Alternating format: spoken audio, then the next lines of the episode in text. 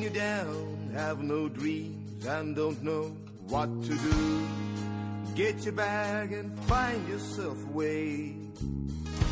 See the birds who flying high, looking down, seeing a cry.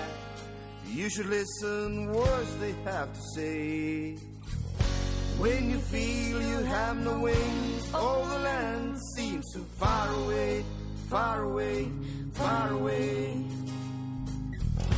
But you always have your dreams. You don't only have to hesitate, don't hesitate, don't hesitate. tere õhtust, härra Kaupo Vipp! et äh, eetris on siis Vabriku seminari podcast järjekorra number kolmkümmend üks. külas on meil siis Torgu kuningriigi vardja ja Rooma klubi liige Kaupo Vipp. et sa tulid otse Rooma klubi tänaselt, ma saan aru, Euroopa rohekava teemaliselt äh, Keskkonnaministeeriumis toimus üritus, et et võib-olla siis äkki alustamegi nende, alustame kõigepealt sellest, mis asi on Rooma klubi, Eesti Rooma klubi, et mis funktsioonid tal ühiskonnas üldse on? no ega ta põhimõte on sama nagu suurel Rooma klubil, et see oli äh, Aurelio Becci, üks Itaalia ärimees, kes, kes kuuekümne kaheksandal aastal hakkas mõtlema selle peale, et et koguda kokku mingisugune hulk äh, noh, kõikvõimalike alade spetsialiste, just selle mõttega, et et analüüsida seda olukorda, et kui asjad lähevad edasi nii, nagu nad siiani olid läinud, seal ütleme siis kuuekümnendate lõpuni, et kas siis on vaja midagi karta või, või, või millestki hoiduda või, või mis see tsivilisatsioon nagu peaks siis tegema, sest see oli see aeg, kui noh, arengumudelid olid ju väga ilusad, nägid välja, või need jutud, et mis tulevikus saama hakkab ja noh, kõik teadsid lendavatest autodest ja, ja kõigest muust tulevikus, aga, aga jah, et kas see midagi karta on, siis, siis tekkis selline asi jah, nagu Looma, Rooma klubi ja nende sisuliselt esimene, esimene selline suurem saavutus oligi see, et nad Massachusettsi Tehnoloogia Instituudi inimestega said kokkuleppele ja kusjuures huvitav oli see, et Volkswagen rahastas seda, tegid siis kas see Fiati omanik ei olnud? Volkswageni, tolleaegne firma, firmana raha, rahastas Volkswagen minu teada seda uuringut ja, ja koondati seal siis äh, sellised inimesed, kes tegelesid äh, komplekssüsteemide arengute uurimisega ja, ja siis ühtlasi ka arvutimudelle-, modelleerijad, kes siis no sellise J. Foresteri nimeline mees kelle need sellised tagasi, rohkete tagasisidestustega komplekssüsteemide arengumudelid tegelikult tänapäeval on sisuliselt igal pool kasutusel, alates ma ei tea, astronoomiast ja lõpetades näiteks parfümeeriaga, mis või no kõikvõimalikes äh, alades, no ilmateadetega ka, aga, aga noh, loomulikult eks juba sõna ilmateade ütleb, et noh, et et, et sellel on mingisugune täpsuse aste olemas, et aga jah, nende mõte oli jah siis see, et, et püüda prognoosida seda tulevikku ja noh, need stsenaariumid, mis sealt välja tulid, olid küllaltki karmid. aga Eestis algas see asi eh, siis äh, niimoodi, et äh, siin kohapeal ka ma nüüd, ma jään isegi vastuse võlgu, ma tean, et Indrek Tarand oli, mitte Indrek, Andres on see. Andres Tarand, jah, mitte Indrek Andres Tarand oli üks nendest, kes seal kuidagi äh, eestvedaja oli. aga põhimõte sama, et vaadata siis nii-öelda väikese, väikesema, väiksemas perspektiivis, vaadata siis Eesti perspektiivis, et kuidas meil see äh, tuleviku väljavaated on või millega meie peaksime arvestama ja siis ühtlasi ka siis selle suure, suure pildiga ennast sobitama ja nii edasi mm. -hmm. et sealt hakkas see pihta, aga täna oli, kuna Euroopa Liit on, on sellise, sellise initsiatiiviga välja tulnud nagu eh, kuidas ta õige nimi on siis, Euroopa roheline lepe, jah. Green Deal inglise keeles. jah, European Green Deal, noh, täna me natukene seal meie ÜRO esindajat ja siis ka Euroopa Liidu esindajat noh, sondeerisime nende käest, et või uurisime nende käest, et mismoodi siis see, mismoodi see areng sinnamaale on läinud. tegelikkuses selle väljendiga tuli, selle New Green Deali väljendiga tulid Ühendriigid esimesena, õigemini nende ühiskondlikud organisatsioonid mõned välja. Ja Obama ajal oli ta küllaltki niisugune selline mõiste, mida arvati, et, et millest hakkab midagi siis kasvama ja kus Ühendriigid siis võtavad nii-öelda ülemaailmse initsiatiivi. Ja, ja see alus seal oli siis see, et noh, see on jälle, väga pikalt võiks rääkida sellest, miks see sinnamaale on jõudnud, aga aluseks, nagu me kõik teame praegu, eks ole, on meil jutud sellest, et meil kliimaga midagi hakkab juhtuma. kas see Limits to Growth, millega Rooma klubi seitsmekümnendate alguses välja tuli, on, see on nüüd sealt kõik jah, see on sisuliselt, on ta sellest samast asjast välja kasvanud, et see oli niivõrd põhjapanev. see on huvitaval kombel maailma kõige enim äh, müüdud, raamatuna müüdud äh, uurimistöö üldse, see on avaldatud äh, kolmekümnes keeles ja kolmekümne kuues miljonis eksemplaris müüdud. aga eesti keeles, kus ta on? Eesti keeles siiamaale ei olnud, aga nüüd Rooma klubi initsiatiivil tuleb tõlge ka eesti keelde, nii et siis on juba kolmekümne ühes keeles vähemalt. no see on siis kasvupiirid? kasvupiirid, jah mm. -hmm.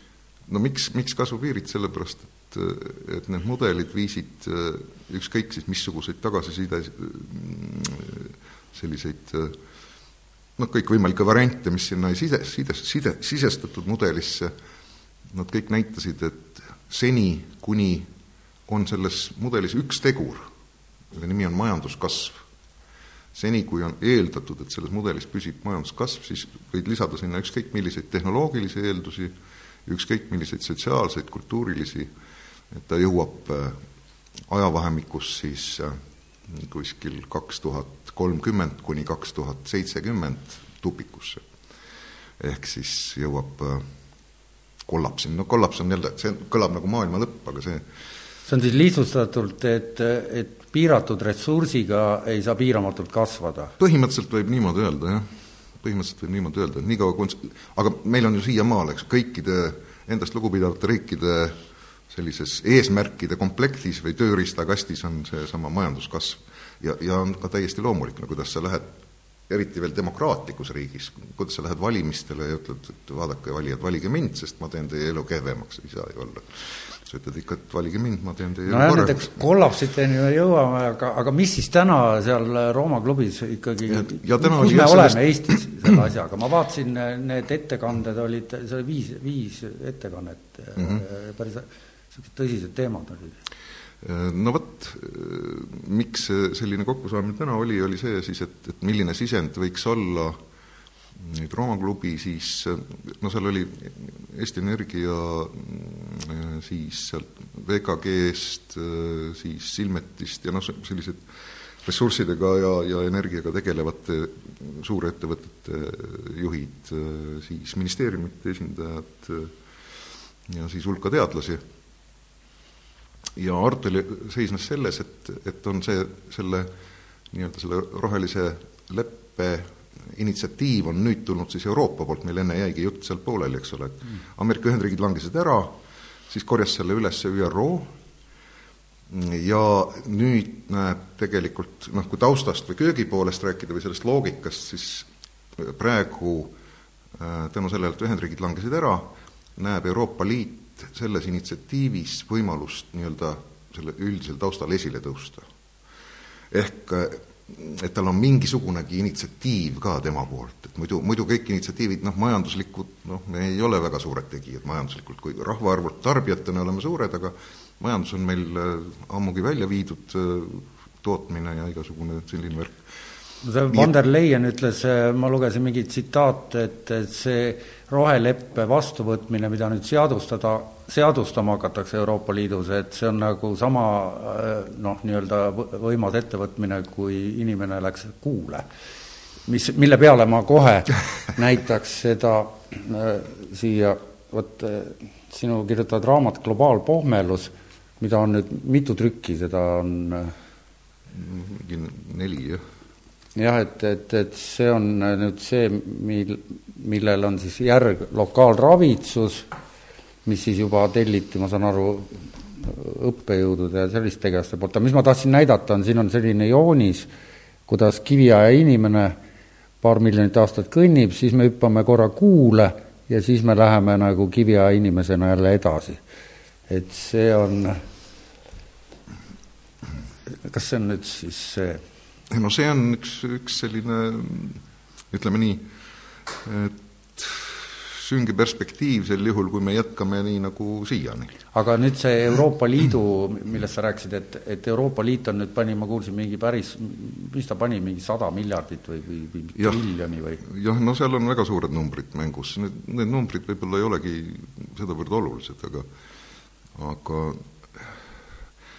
noh, ega nemadki ei saa ilma vastuolud, et, täna, tänagi seal tõusis esile mitu vastuolu ka selles programmis, aga noh, see, mida noh, see algatuse põhimõte, mida tahetakse saavutada, sisuliselt ta on, on sama, nagu ta Ühendriikides esile kerkis ja nagu ta ÜRO poolt on praegu promotud ja nagu noh, mille ette on rakendatud siis sellised, mõned sellised nagu käilakujud ka, noh, võib-olla paljud inimesed ei mäleta, näiteks oli selline Autumn äh, Autumn Perel või mis ta nimi oli, üks tütarlaps, kes üheksakümne teise aasta mm, Los Angelese kliimakonverentsil mm, esines ja, ja neid tütarlapsi on veel olnud ja see noh, noore tütarlapse mõju tundub olevat väga hea, nii et see Greta praegu on, on nagu laineid lööma hakanud ja ja kuidagi ilmselt on ka need muudatused, mida näha on, on, on mõjunud. aga, aga siis äh, praegu sellise, sellise massiivse noh, kuidas öelda siis, mõjutuslainega siis Euroopa Liit äh, Äh, on kaasa läinud ja ta näit-, ja, ja, ja need programmid siis sisaldavad põhimõtteliselt seda, et et püüda majandus restruktureerida äh, selliselt, et äh, liikuda fossiilkütuste pealt taastuvenergia peale, samal aeg, samal ajal siis on seal mitmed sellised kõrvalprogrammid, millest noh, näiteks, näiteks kuidas siis äh, tekitada olukord, et keegi ei saaks sellest kannatada, noh et need, no näiteks, et Poola kaevurid, noh kui nüüd lihtsustatult öelda, siis hakkavad kõik äh, tuulikuid tegema, noh näiteks, eks ole. või hakkavad, ma ei tea, kaevandama mingisuguseid maavarasid näiteks, näiteks päiksepatareide jaoks või nii edasi.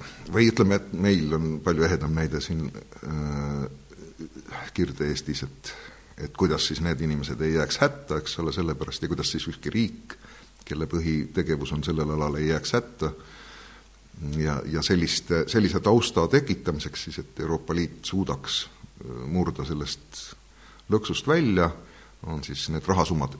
ja kuidas siis mõjutada teisi riike, sellele on ka mõeldud, teiste riikide mõjutamine siis käib läbi selle, et et Euroopa Liit on küllaltki suur turg, eks ole, seal, meil on mingi viissada viiskümmend miljonit äh, tarbijat. Et äh, arvatakse, et ollakse võimelised siis äh, kehtestama nii-öelda sellised kaubandustõkked, et sellest tõkkest tuleb läbi ainult selline kaup, mis on siis toodetud piisavalt keskkonnahoidlikult, ehk see on siis märgiks tootjale, et ta ei saa, ta ei saa kaupa toota ja müüa Euroopasse, kui ta ei ole täitnud teatud reegleid, et niimoodi siis ka väljapoole mõjutada olukorda, et muidu võib öelda, et noh, et teised teevad ikka edasi, mis tahavad. ja nii edasi, noh, seal on, kõigis nendes asjades on tugevaid vastuolusid ja neid toodi ka täna seal mitmeid välja ja ja muidu üks põhilisi vastuolusid on ikkagi jälle seesama kurb tõsiasi, et me ikka ei kujuta ette ilma mingisuguse majanduskasvuta asja. Ja, ja ka seal selles programmis, nii nagu ka ÜRO selles säästva arengu programmis, on juttu ikka jätkuvast majanduskasvust ja ja nii edasi, nii edasi meil lubatakse ka neli protsenti vist oli järgmine aasta või kolm koma millegiga. aga seda raamatus mainid, et juba noh, ütleme sellest naft-, noh, peak oil'i teema on nii fundamentaalne, et sinna me nüüd hakkame varsti jõudma, aga et et selle nii-öelda viimase kümne aasta jooksul, mis me oleme, või viieteist isegi, kahe tuhande viiendast alates, et me oleme mingi ligi mingisugune null koma kaheksa protsenti languses. No vaata see, seal on see, et meil on selline, vot ma soovitan kõigil, kes nagu närvi lähevad selle teema peale, võttage ette, Hans Roslingul on väga hea raamat ilmus, mis rahustab kõik maha, et see on niisugusest ilusast statistikast ja kahe tuhande üheksanda aasta Davosi kohtumisel muideks võeti niisugune otsus vastu, et et selleks, et inimestesse optimismi sisendada, selleks tulebki nagu, statistika peab olema natukene parem ja ilusam. ja võeti vastu otsus, et peab olema statistika ilusam. jah, kui sa võtad kahe tuhande üheksanda aasta Davosi konverentsi tulemused ja nende areng, seal on ka, nad annavad ka need arengustsenaariumite variante mm. välja ja siis lahendusi nendele ja seal siis ühe lahendusena oligi toodud see, et äh, statistilised andmed peavad olema selliselt esitatud, et nad ei tekitaks äh, ängistust inimestes. ja sellest lähtudes näiteks, näiteks Euroopa Liit tegi mida, Euroopa Liit äh, kahe tuhande, võttis kasutusele süsteemi ESA, European Statistical blablabla bla, kaks tuhat kümme, mille ta rakendas siis tagasiulatuvalt kahe tuhande üheksandast aastast ja voilà, sisemajanduse koguprodukt tõusis ühe koma üheksa protsendi võrra aastas keskmiselt. seda meetodit muudeti? meetodit muudeti, no mul siin üks tuttav Eesti Statistikaametist, ma küsisin, et kuidas see võimalik on nagu, et noh, vaat ei jõua kohe pärale. sest väga lihtne, mäletad, meil oli äh, elanike ja eluruumide lahendus. et äh, noh, näiteks, kas sul on oma puud võtta kuskilt oma metsast, ma ütlesin jah. kas sa saad nad ära lõhkuda ja panna ahju ja kütta oma ruumi? ütlesin jah, ma seda teengi. selge, aga näed, uue statistilise meetodi järgi sinu eluruumi pindala võetakse arvesse ja võetakse arvesse selle kütmine ja selle kütmine võetakse sisemajanduse koguprodukti arvestades samamoodi, nagu, nagu sa elaksid Lasnamäel ja sinu korterit kütab keskküte. mis põhimõtteliselt ei ole ju vale, eks ole, sest sisuliselt mingisugune see... produkt toimib, aga see muudab oluliselt tulemust. Ja, ja täpselt sama asja tehti muideks siis äh, äh, Rahvusvahelise Energiaagentuuriga. Äh,. kahe tuhande kümnendast aastast enam ei ole sellist asja nagu äh, crude oil arvestust, nüüd on olemas all liquids see tähendab seda, et ei ole kuidagi võimalik, kui sa, kui sul ei ole mingit toornaftat eristada muudest mitte millestki, olgu ta vesinik, mingisugune oliivõli või mis iganes, kõik, mis on küttevedelik, mis kütte eesmärgil on toodetud, see on kõik ühes hunnikus ja ja seal, sealhulgas siis ka noh, näiteks kildaõlid ja sünteetilised naftad, mida no siis me peame nüüd lahti seletama selle mõiste, mida sa hästi palju kasutad oma nendes raamatutes ja loengutes, et, et see kuidas seda üldse eesti keeles ütled, seda enese EROI, et, et, et kui Energy received on energy invested, et see on siis saadud energia jagatud selle saamiseks kulutatud energiaga, noh, kohmakas ja pikk, aga aga seda ilma... lühidalt eesti keeles energeetiline kasumlikkus energeetiline Ener kasumlikkus. energeetiline kasumlikkus võib öelda selle et, kohta, jah. et, ma vaatasin, sul üks tabel, et, et vesiniku puhul oli see miinus kolm no paraku nii on, kui me, kui me teeme elektrist, elektrit kasutame selleks, et viia veeaatom laiali, et vesinik ja hapnik eraldada, siis noh, sisuliselt see tegevus on, no piltlikult öeldes on ta täpselt sama, et kui ma kodus mm, kütan ahju ja siis võtan ahjust söed, kogun korstnast suitsu ja siis monteerin nendest uuesti küttepuud ja põhimõtteliselt see tegevus peabki võtma palju energiat, see on selge. iseasi on see, et, et kui, kui vaadata nüüd äh, seda, mis toimub meil äh, energiasalvestusega, siis tõepoolest, äh, kui tuulik sul kütab elektrit näiteks, eks ole, on hea tuul, aga sul ei ole seda võimalik kuskile võrku anda, sest et ei ole tarbijaid sel hetkel, siis oleks vaja ta salvestada. ja sel juhul tekib tõesti selline efekt, et, et noh, et võib-olla tõesti, et ajada siis selle elektriga tõesti sedasama vesinikku, sest see on üks väheseid viise, kuidas efektiivselt salvestada. aga vesinik, noh, ma ei tea, me siin hüppame ühelt teemalt teisele, aga, aga vesinikku tuleb jah silmas pidada üldse nende tehnoloogiate puhul tuleb arvestada seda, et et ükski tehnoloogia oma, et ega ka, ega ka näiteks mingisuguse vesiniku tootmine, et see ei ole energiasisend. see, mis on selle energeetilise kasumlikkuse arvestuse juures tähtis on see, et arvestada tuleb energiasisendi kasumlikkust. et sealt hakkavad väga olulised asjad nii majandusele kui, kui üldse ühiskonna komplekssusele. aga vesinik on salvestuse viis, see on üks salvestuse viise, mis on noh, oluliselt küll kehvem kui ütleme, energeetiliselt on ta oluliselt kehvem kui näiteks akusse salvestamine, aga sellele vaatamata on ta ikkagi parem, sest aku, akude tootmine ja akude hulk, mis selleks vaja on, noh, võib kujutada ette, et näiteks tavaline sõiduauto, väiksema sõiduauto paak, viiskümmend liitrit bensiini, selleks, et samasugust energia hulka kaasas kanda, mis seal sees on, potentsiaalne keemiline energia, selleks oleks meil vaja äh, kolme poole tonnist pliiakut, noh.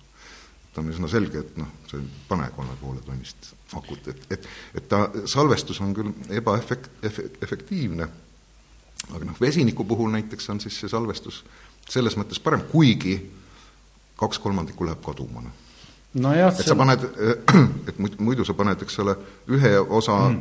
energiat sisse, siis saad mingi teatud osa sealt vastu kui sa saad rohkem vastu, siis sa oled kasumis, kui sa saad vähem vastu, siis sa oled kahjumis. nojah, siis ma lugesin, et, et nafta oli alguses sada kakskümmend oli see koefitsient, nüüd ta on noh, on vajalik, et oleks üks kümnele, et majandus toimiks üldse, aga et on mingid puuraugud, kus nad seal, mingid deep water'id ja kus nad mitme kilomeetri sügavusest veest veel mitu kilomeetrit maa sisse ronivad, et seda kätte saada, et see kisub nagu kuhugile sinna alla, tugevasti alla kümne. no võib-olla pole õige öelda äkki, et majandus toimiks, õige on öelda selleks, et selleks, et äh, kasvumajandus siis toimiks? selleks, et see komplekssüsteem püsti püsiks.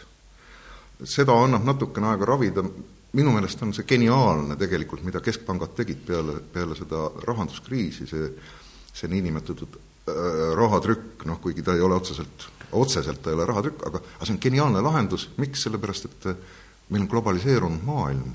oleks meil kahekümne neljandal aastal, eks ole, Weimari Saksamaal tehti sama asja, trükiti raha juurde, asi kukkus kiiresti kokku, aga nüüd meil ei ole piire.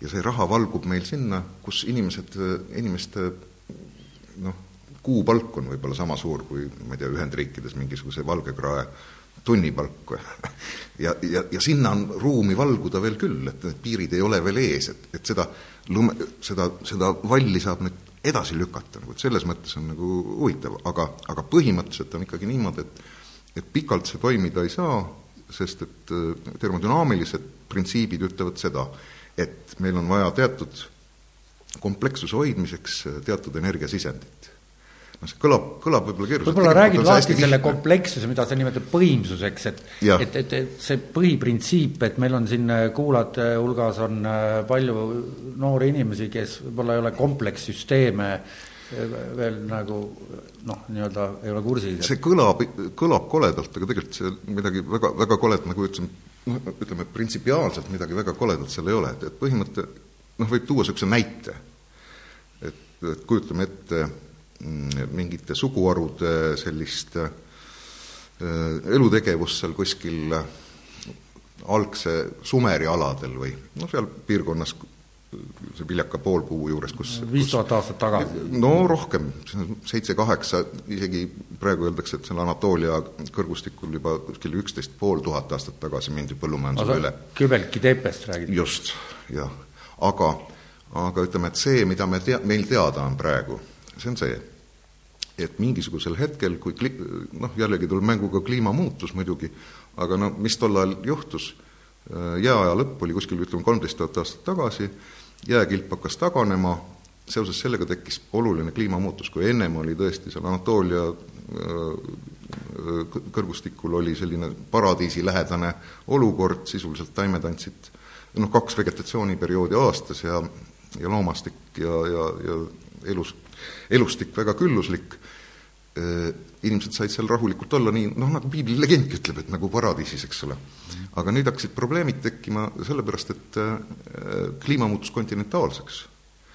Äh, taimed ei andnud enam kahte vegetatsiooniperioodi aastas, loomastik hakkas kahanema, aga nendel hõimudel, kes olid noh, tüüpilised kütid, korilased, nad komistasid sellise probleemi otsa, et kui vanasti lahendati selline probleem, kui sa ühe piirkonna said tühjaks sellega, et sa rändad teise kohta, siis nüüd tekkis olukord, kus sa ei saa teise kohta rännata, sest seal on juba inimesed ees, kolmandas kohas ka ja kõik on juba lagedaks söödud.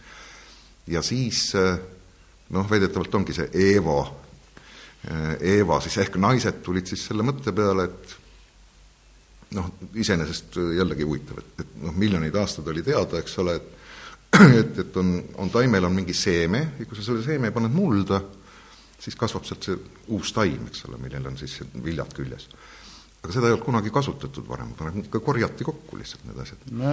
ja nüüd äkki tuldi selle peale, et okei okay,, et kui me ei saa kuskile minna, aga teeme siis niimoodi, et me kasvatamegi siinsamas, et teete meile siin, no piltlikult võiks siis kujutada niimoodi ette, et ütled meestele, et nii, mehed, aitab jamast, me ei tolgenda teile enam siin lapsed süles järgi, teete meil siia onni, siia, meie teeme siia põllu, see on kuskil jõe kaldal seal muda sees viljakas pinnases, ja hakkame kasvatama toitu et see ongi nagu sellise komplekssüsteemi algus? no see on, see on, see on nüüd algus, eks ole, selles mõttes, et, et sa muudad sisuliselt eluviisi, no väga paljud liigid, no meil üks tuttavamaid on näiteks kobras, eks ole, kes kujundab oma elukeskkonna ümber sellel, sellel eesmärgil, et teha enda elu mugavamaks.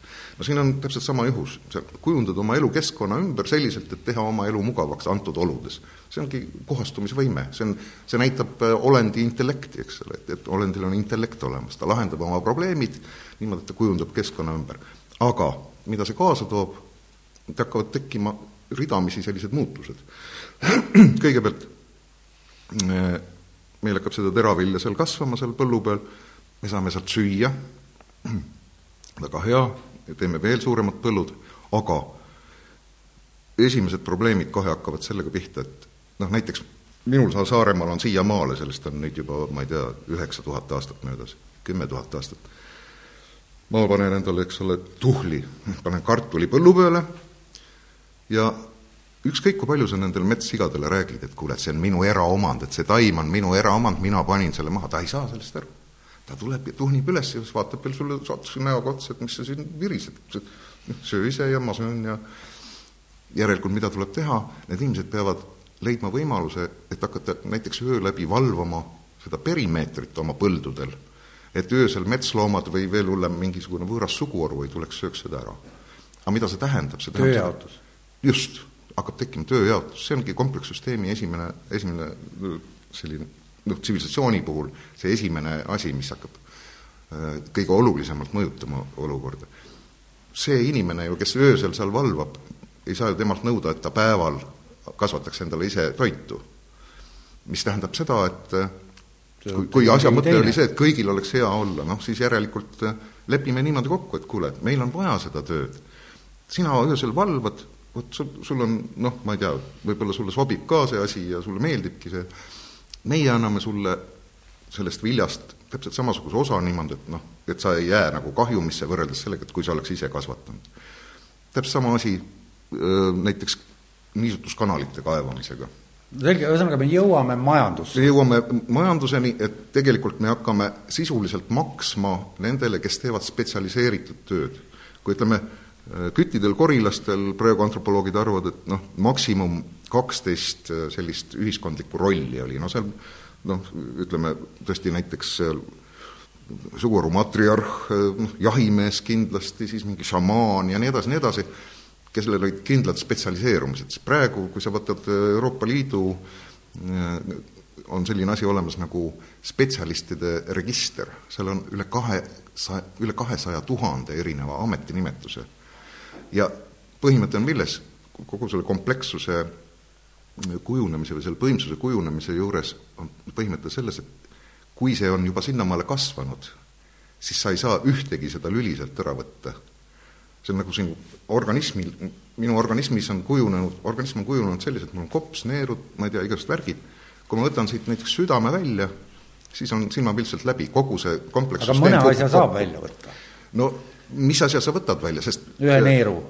No hea küll, aga siis, siis sa tegelikult ikkagi, sinu äh, võimekus ikka langeb, aga, aga sa ei saa neeru täielikult eemaldada, nii nagu sa, sa võid elektrit võib-olla, no oleks, kui täna öeldakse, et homme ei ole elektrit, no see on paanika, mitte midagi ei saa toimuda ilma elektrita, oleks sada aastat tagasi öeldud, et elektrit ei ole, mõni oleks kehitanud õlgu, et mis asi see üldse on, see elekter, ei teagi üldse. see, see on saanud meie süsteemi koostisosaks ja nüüd, kui ta meie koostisosa on juba, nüüd me enam seda sealt lahutada ei saa, ilma et kogu see süsteem sisuliselt vajuks kokku, või see, vot see ongi see äh, võimsüsteemi juures nüüd see kollapsi moment, kollaps ei ole mitte mingi maailma lõpp ega mingisugune katastroof, vaid see tähendab lihtsalt seda, et võimsüsteem, kui sa võtad sealt ühe osa ära, siis ta lihtsustub kuni sinnamaale, kuni see ümbritsev keskkond suudab hoida seda taset üleval ehk sul langevad osad, osad asjad sealt välja, noh nagu neil täna, kui me võtame elektri ära, siis meie ühiskond peab lang-, langema oma keerukuselt ja oma komplekssuselt sellele tasemele, mis ta oli enne seda, kui elekter kasutusele võeti. vastasel juhul kukub ta täielikult laiali. ehk siis see on see, et et me siis kas oleme selle ühe neeruga või siis, või siis sureme päris ära. nii et täna, tänase päeva seisuga ma saan aru, et ligi üheksakümmend protsenti oleme me taandanud selle sisendenergia kõik naftale või fossiilkütustele siis täpsemalt öeldes. ja, ja, ja, ja nüüd me seisame probleemi ees, et kuidas seda hästi ruttu asendada, sest et muidu meil lähebki sõna otseses mõttes vool ära ja, ja me peame kukkuma kuskil kiviaega. No just, ja, ja, ja siin selles mõttes noh, ma ei tea, ma, ma arvan, et ma mingit ma ei tea, mis saladust siin ei avalda, aga aga mida on ühiskondadele vaja? ühiskondadele on vaja selget arusaamist, miks mingit asja tehakse. ja kui sa hakkad kellelegi rääkima sellest, et mis on, ma ei tea, nafta energeetiline kasumlikkus või blablabla bla, bla, siis ei ole see on väga igav ja, ja aga kui sa ütled, et see, sellesama nafta ja kivisöe ja maagaasi põletamine tekitab CO kahte ja see, poisid, küpsetab meid ära, oba kõik saavad äkki aru asjast ja hakatakse selle nimel tegutsema. noh, kui, kui nüüd kristalselt aus olla ja rääkida, ütleme, nagu teaduslikust äh, sellisest äh, moodsa sõnaga falsifitseeritavusest ja. teooria puhul, siis tegelikkuses me peame tunnistama, et kliima on sedavõrd kompleksne süsteem, et me, me tegelikult ei tea, kui palju inimene mõjutab teda, aga selgelt ta mõjutab, mingil määral ta kindlasti mõjutab. See on selge. ja selge on ka see, et me ei saa oluliselt soojemas kliimas hakkama, meie elutegevus ei ole selleks kohandatud, väga oluliselt soojemas kliimas, kuigi neid soojemaid perioode on ka inimese ajal olnud. aga me põhimõtteliselt elame ühes kogu, kogu elusorganismide eksistentsi ajaloos ühes madalama temperatuuriga perioodis. nii, aga nüüd me jõuame nüüd jälle sinna ringiga, tahaks jõuda sinna tagasi, et, et Eesti on noh, ütleme top kahes protsendis kindlasti elatustasemel planeedi mõistes no oma pal-, elatustase, noh, palgad versus siis ost-, ostuvõime ja mugavused ja, ja see maailm, et et, et me, meie oleme seal noh, püramiidi suhteliselt seal noh, Maslow püramiidi või, või mis iganes no võtame Maslow, jah. seal otsa, ülemises otsas, et, et, et me, mida te, tähendab, ma tahaks noh, väga teada, et kui te täna seal nõu pidasite, et kas on kaardistatud ära, et, et mida meie üldse Eesti riigi piires siin, kas me noh, raamatus tuleb seal välja see, et, et noh, hakkame külades valvama oma talusid sugulaste noh, see on nüüd minu lähenemine asjale, seda ma ei saa öelda, et see on äh, kas ei, ma mõtlengi, et kus te seal Keskkonnaministeeriumi nõupidamisel, et, et mis siis, kas meil on mingi seisukoht üldse? Vot praegune olukord ongi selline, et märtsikuuks peab Eesti Vabariik esitama oma seisukohad äh, selle nii-öelda uue rohelise leppe kohta.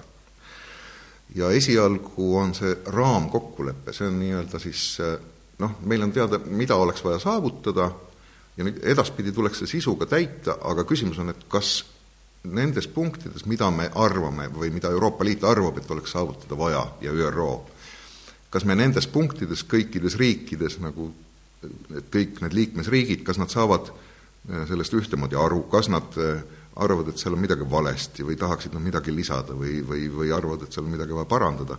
et see on nüüd see, mis küsimusega nagu mm, see ümarlaud toimus, mis oleks, ühesõnaga, et Vabariigi Valitsusel on vaja tegelikult sisendit, et mis seisukohad mingites raamasjades peaks võtma, aga see, mis, millega see täidetakse see siis järgneb nagu, et see ei ole praegu küsimus mingisugused detailid seal, vaid, vaid üldine suhtumine.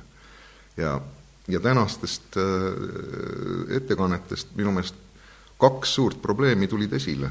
see on, üks on seesama korduvalt tõestatud asi, et noh, mida võiks siis nagu lihtsustatult öelda, et, et lõputu kasv lõplikus keskkonnas ei ole võimalik esiteks, mis on siis see vastustamine sellele nii-öelda ilusale jutule sellest, kuidas meil ikka majanduskasv nagu läheb kogu aeg edasi, ja teine asi on siis äh, selle äh, sellise tekkiva ebavõrdsuse või õigemini siis mm, ühesõnaga, et kuidas tekitada olukord, et, äh, et me neid ressursse ei peaks nii palju tarbima, kui meil tegelikult oleks vaja selleks, et et kui me praeguste tingimuste juures viiksime kõik nii-öelda taastuvenergiale, siis siis seal no ei nähta varianti, et kuskohast me võtame selle.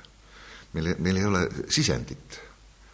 noh, et näiteks, et noh, näiteks, et liitiumaku, kui sa oled ta kord valmis teinud, siis seda taaskasutada ei saa, liitium on selline, selle aku võtad lahti, siis ta õhuga süttib ise põlema. hea uudis on see, et sa saad katlamajas kütta sellega, aga, aga halb uudis on see, et et sul läheb pidev energia ja, ja mateeria sisend ja ka väljund meil ei olegi vastuseid või?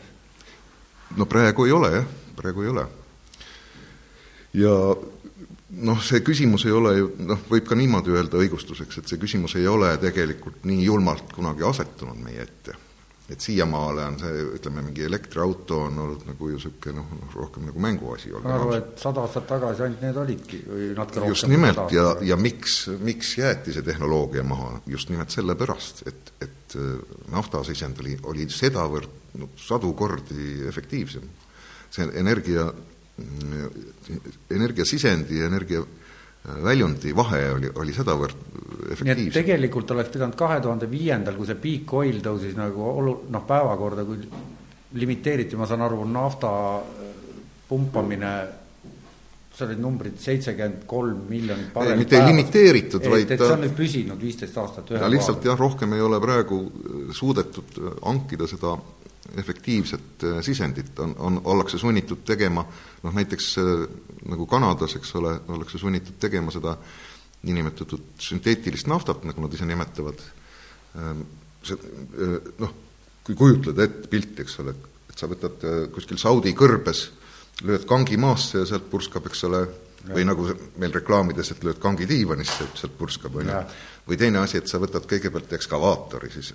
Kõige, kõigepealt sa koorid, eks ole, metsa maha, siis koorid mulla ära siis võtad seda liiva, mille sisse on imbunud see nafta, paned ta suure veoauto peale, siis sa vead selle veoautoga sinna kuskile tehasesse, siis sa võtad puhta vee, võtad maagaasi, ajad selle vee keema, valad selle liiva sinna sisse, keedad sealt õli välja, siis sa võtad sealt väävli välja, koorid ära, ladustad hunnikutesse, siis sa võtad selle solgiks muutunud vee, paned kuskile settima ja selle liiva siis sa saad mingisuguse õlilaadse olluse, siis sa võtad uuesti maagaasi, eraldad sealt keemiliste protsesside tulemusena vesinikku, liidad selle sellele ollusele, samal ajal lased õhku tohutu hulga CO2, siis sa nimetad selle asja, segad kokku õigetes parameetrites ja nimetad selle sünteetiliseks naftaks, mille turuhind on umbes kolmandiku võrra odavam kui tegelikult normaalsel tavalisel naftal.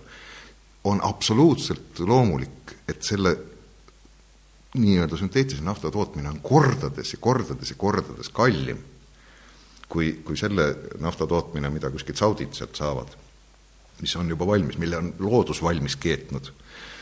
ja, ja küsimus ei ole mitte rahalises hinnas, vaid küsimus on energiasisendis.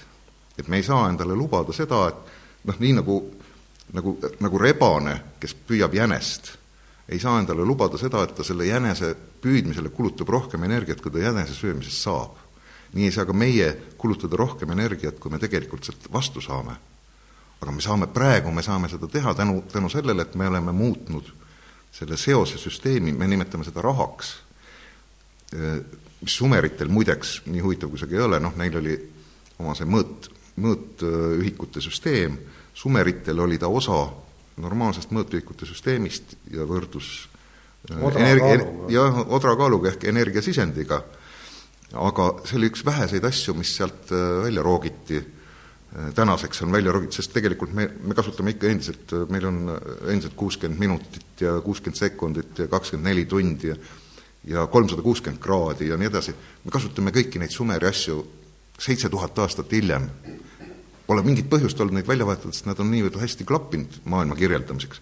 ainuke, mis on sealt välja võetud, on see majandusi, majanduse ühisosa äh, reaalteadustega nii et see, et me oleme selle välja koorinud, sealt võimaldab meil praegu tekitada mulje, et rahal on oma mingi sisemine väärtus ja, ja selle rahaga me saame kuidagi asendada energiasisendit. tegelikkuses on see selline pettekujutelm, mida me saame nii kaua kasutada, kuni me satume tõsisesse kriisi. ja siis järgneb kiire kokkukukkumine.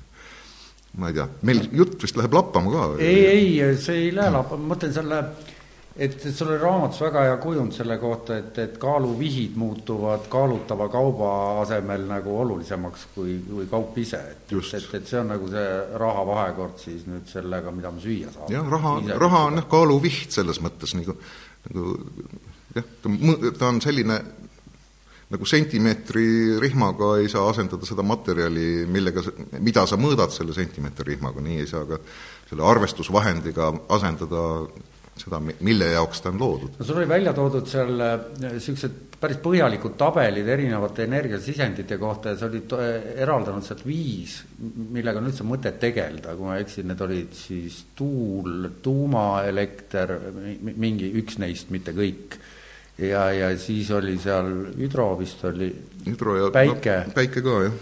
ja, ja nii edasi, et, et, et, et miks me miks me ei tegele siis nendega või, või mis seal häda on, et, et et siin paar saadet tagasi Strandberg ütles, et noh, et, et, et tuleb sihtotstarbeliselt trükkidagi raha juurde triljonites ja, ja lükata see tuuleenergiasse, et, et, et ja kümne aastaga on asi lahendatud, et lihtsalt praegu ehitab viiskümmend tuulikut aastas mingisugune, ma ei mäleta, palju inimesi, et siis tuleb ehitada tuhat viissada tuulikut iga päev.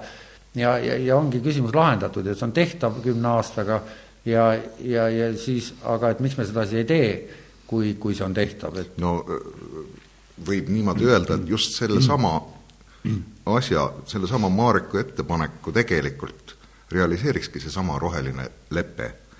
aga kus nähakse probleemi, on see, et, et see, just seesama ressursi sisend, mis sinna läheb, on sedavõrd suur. ja, ja ka tuulik ei ole igavene asi. ega tuulik ei tooda tuleb aru saada sellest ka, et tehnoloogia on, saab olla ainult vahend, mis muudab energiasisendi meile kasulikult kasutatavaks mingisuguseks energiavormiks. tehnoloogia ise ei ole energia.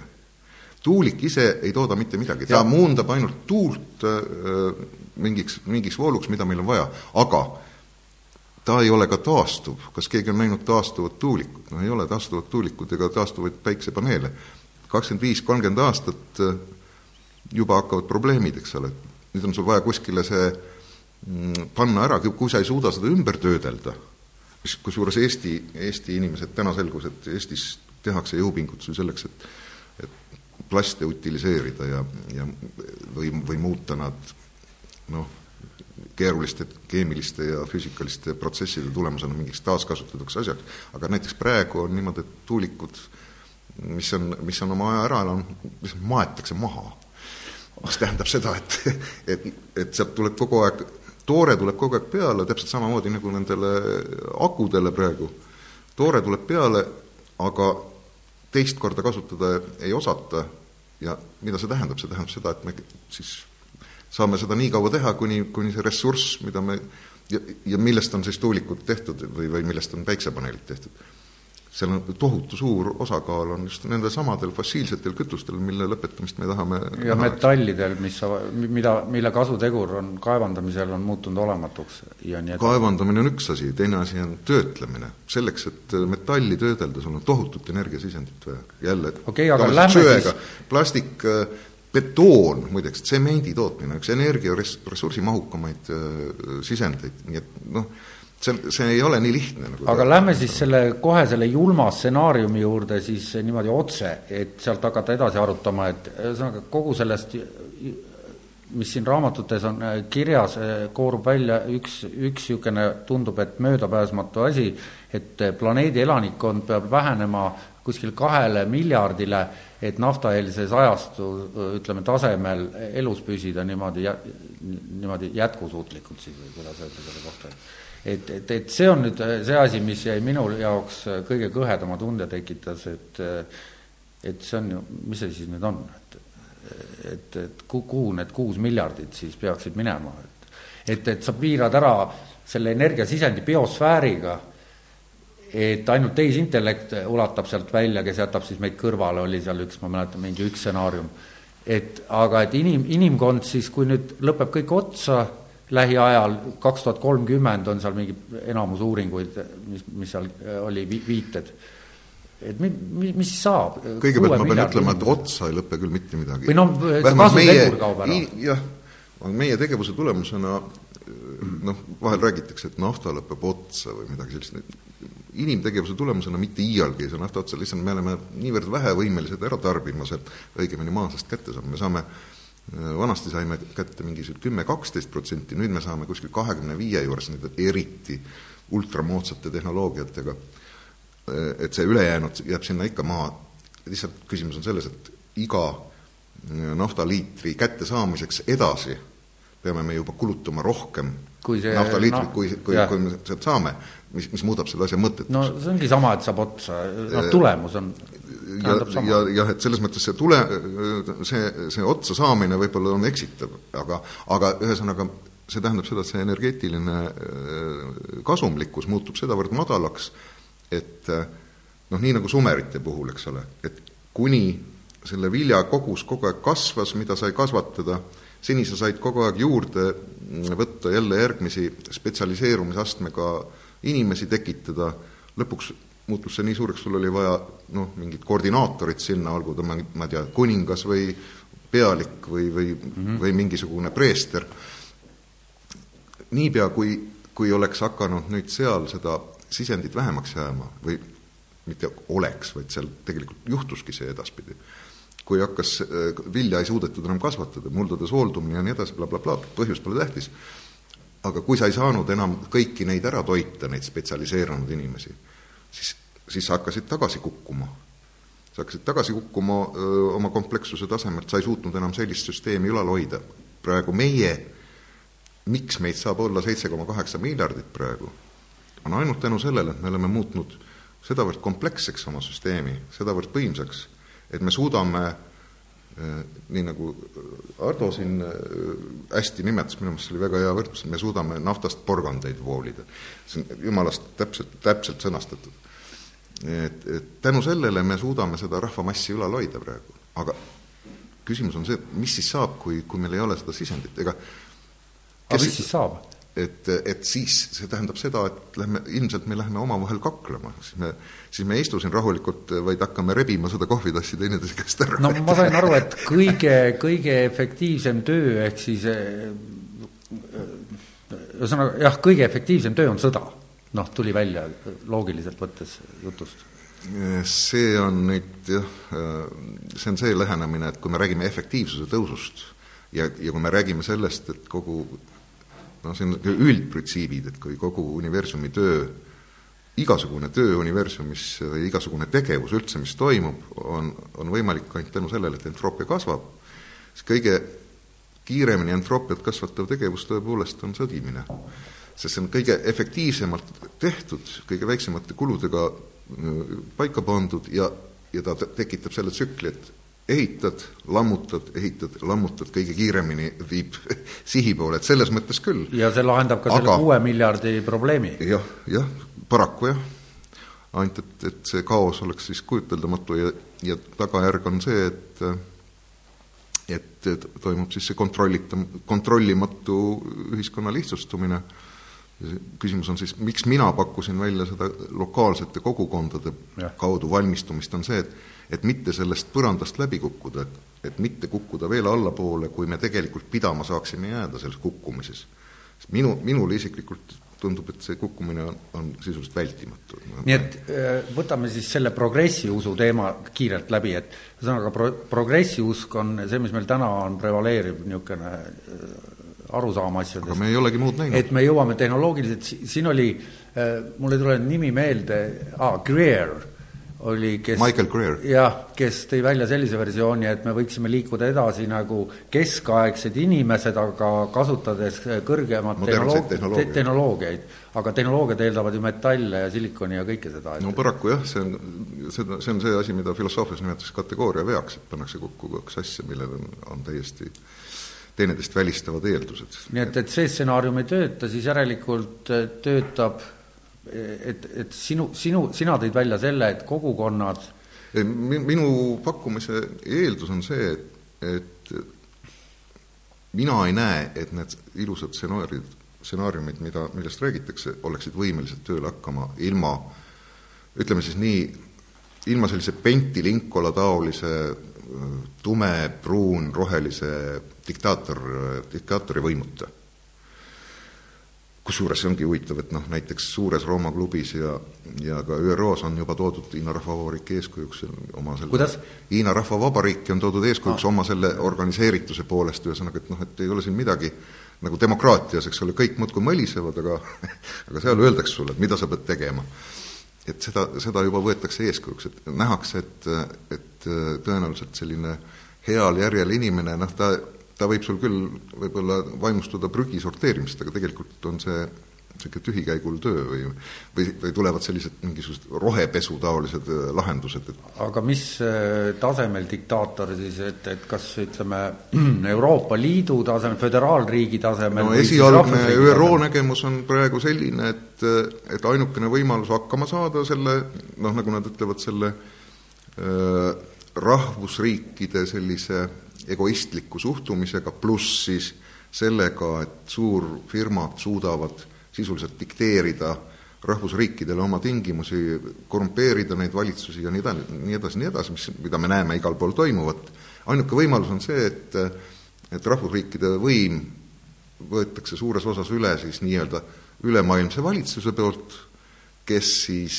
kelle mandaat siis on selle alusel saadud, et tema ütleb, kuidas me kuidas inimkonda päästa ja, ja kõik siis tegutsevad nagu selle mandaadi alusel. no ma ei, ma ei usu, et see, see võiks ei, läbi minna. ei no seal hakkab mäss ja märatsemine, et ma arvan ka, et, et aga, aga, aga nüüd ikkagi siis ja, ja tegelikult ei tahakski, ma, ma ütlen isegi, et, et mina ei, nagu ei näe selles küll mingisugust väljapääsu. tähendab, sinu seisukoht on, et väljapääsu ei ole? ei, minu seisukoht on see, et, et juhul, kui täitub see mustem stsenaarium, juhul kui ei tule mingi noh, alati on võimalik, et tuleb mingi Ex Machine.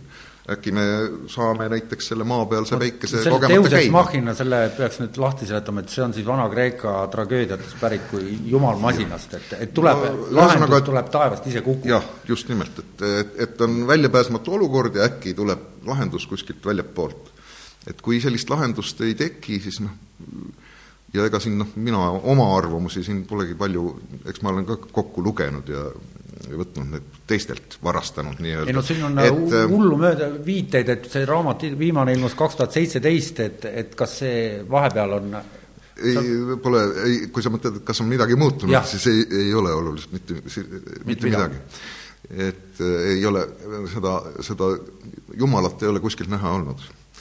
aga, aga jah, et, et põhimõte on selles, et kui äh, asjad lähevad samamoodi edasi, siis tõenäoliselt see süsteemi lihtsustumine tuleb tõenäoliselt nendes aegruumi piirides, nagu, nagu äh, Linus de Grow äh, prognoosis seda, äh, see tähendab seda, et see vahemikus kus kaks tuhat kolmkümmend kuni kaks tuhat viiskümmend ja sellisel juhul oleks mõistlik tekitada olukord, kus meil oleks sellised kogukonnad, kes suudaksid vastu panna sellele, et küsimus ei ole enam milleski muus kui, kui see resilience, ehk noh, vastupanu, vastupanuvõime sellele probleemile, mis tekib. küsimus ei ole mitte probleemiga võitlemises, vaid küsimus on valmistada ennast rahulikult ette selleks, et kui see olukord tekib, siis sa saad sellega hakkama. no meil, ma arvan, meil ühe koma kolmest miljonist elanikust Eestis ma ei, ma ei kujuta ette, kui suur osa näiteks inimesi on, kes saaksid hakkama näiteks lõkke süütamisega ilma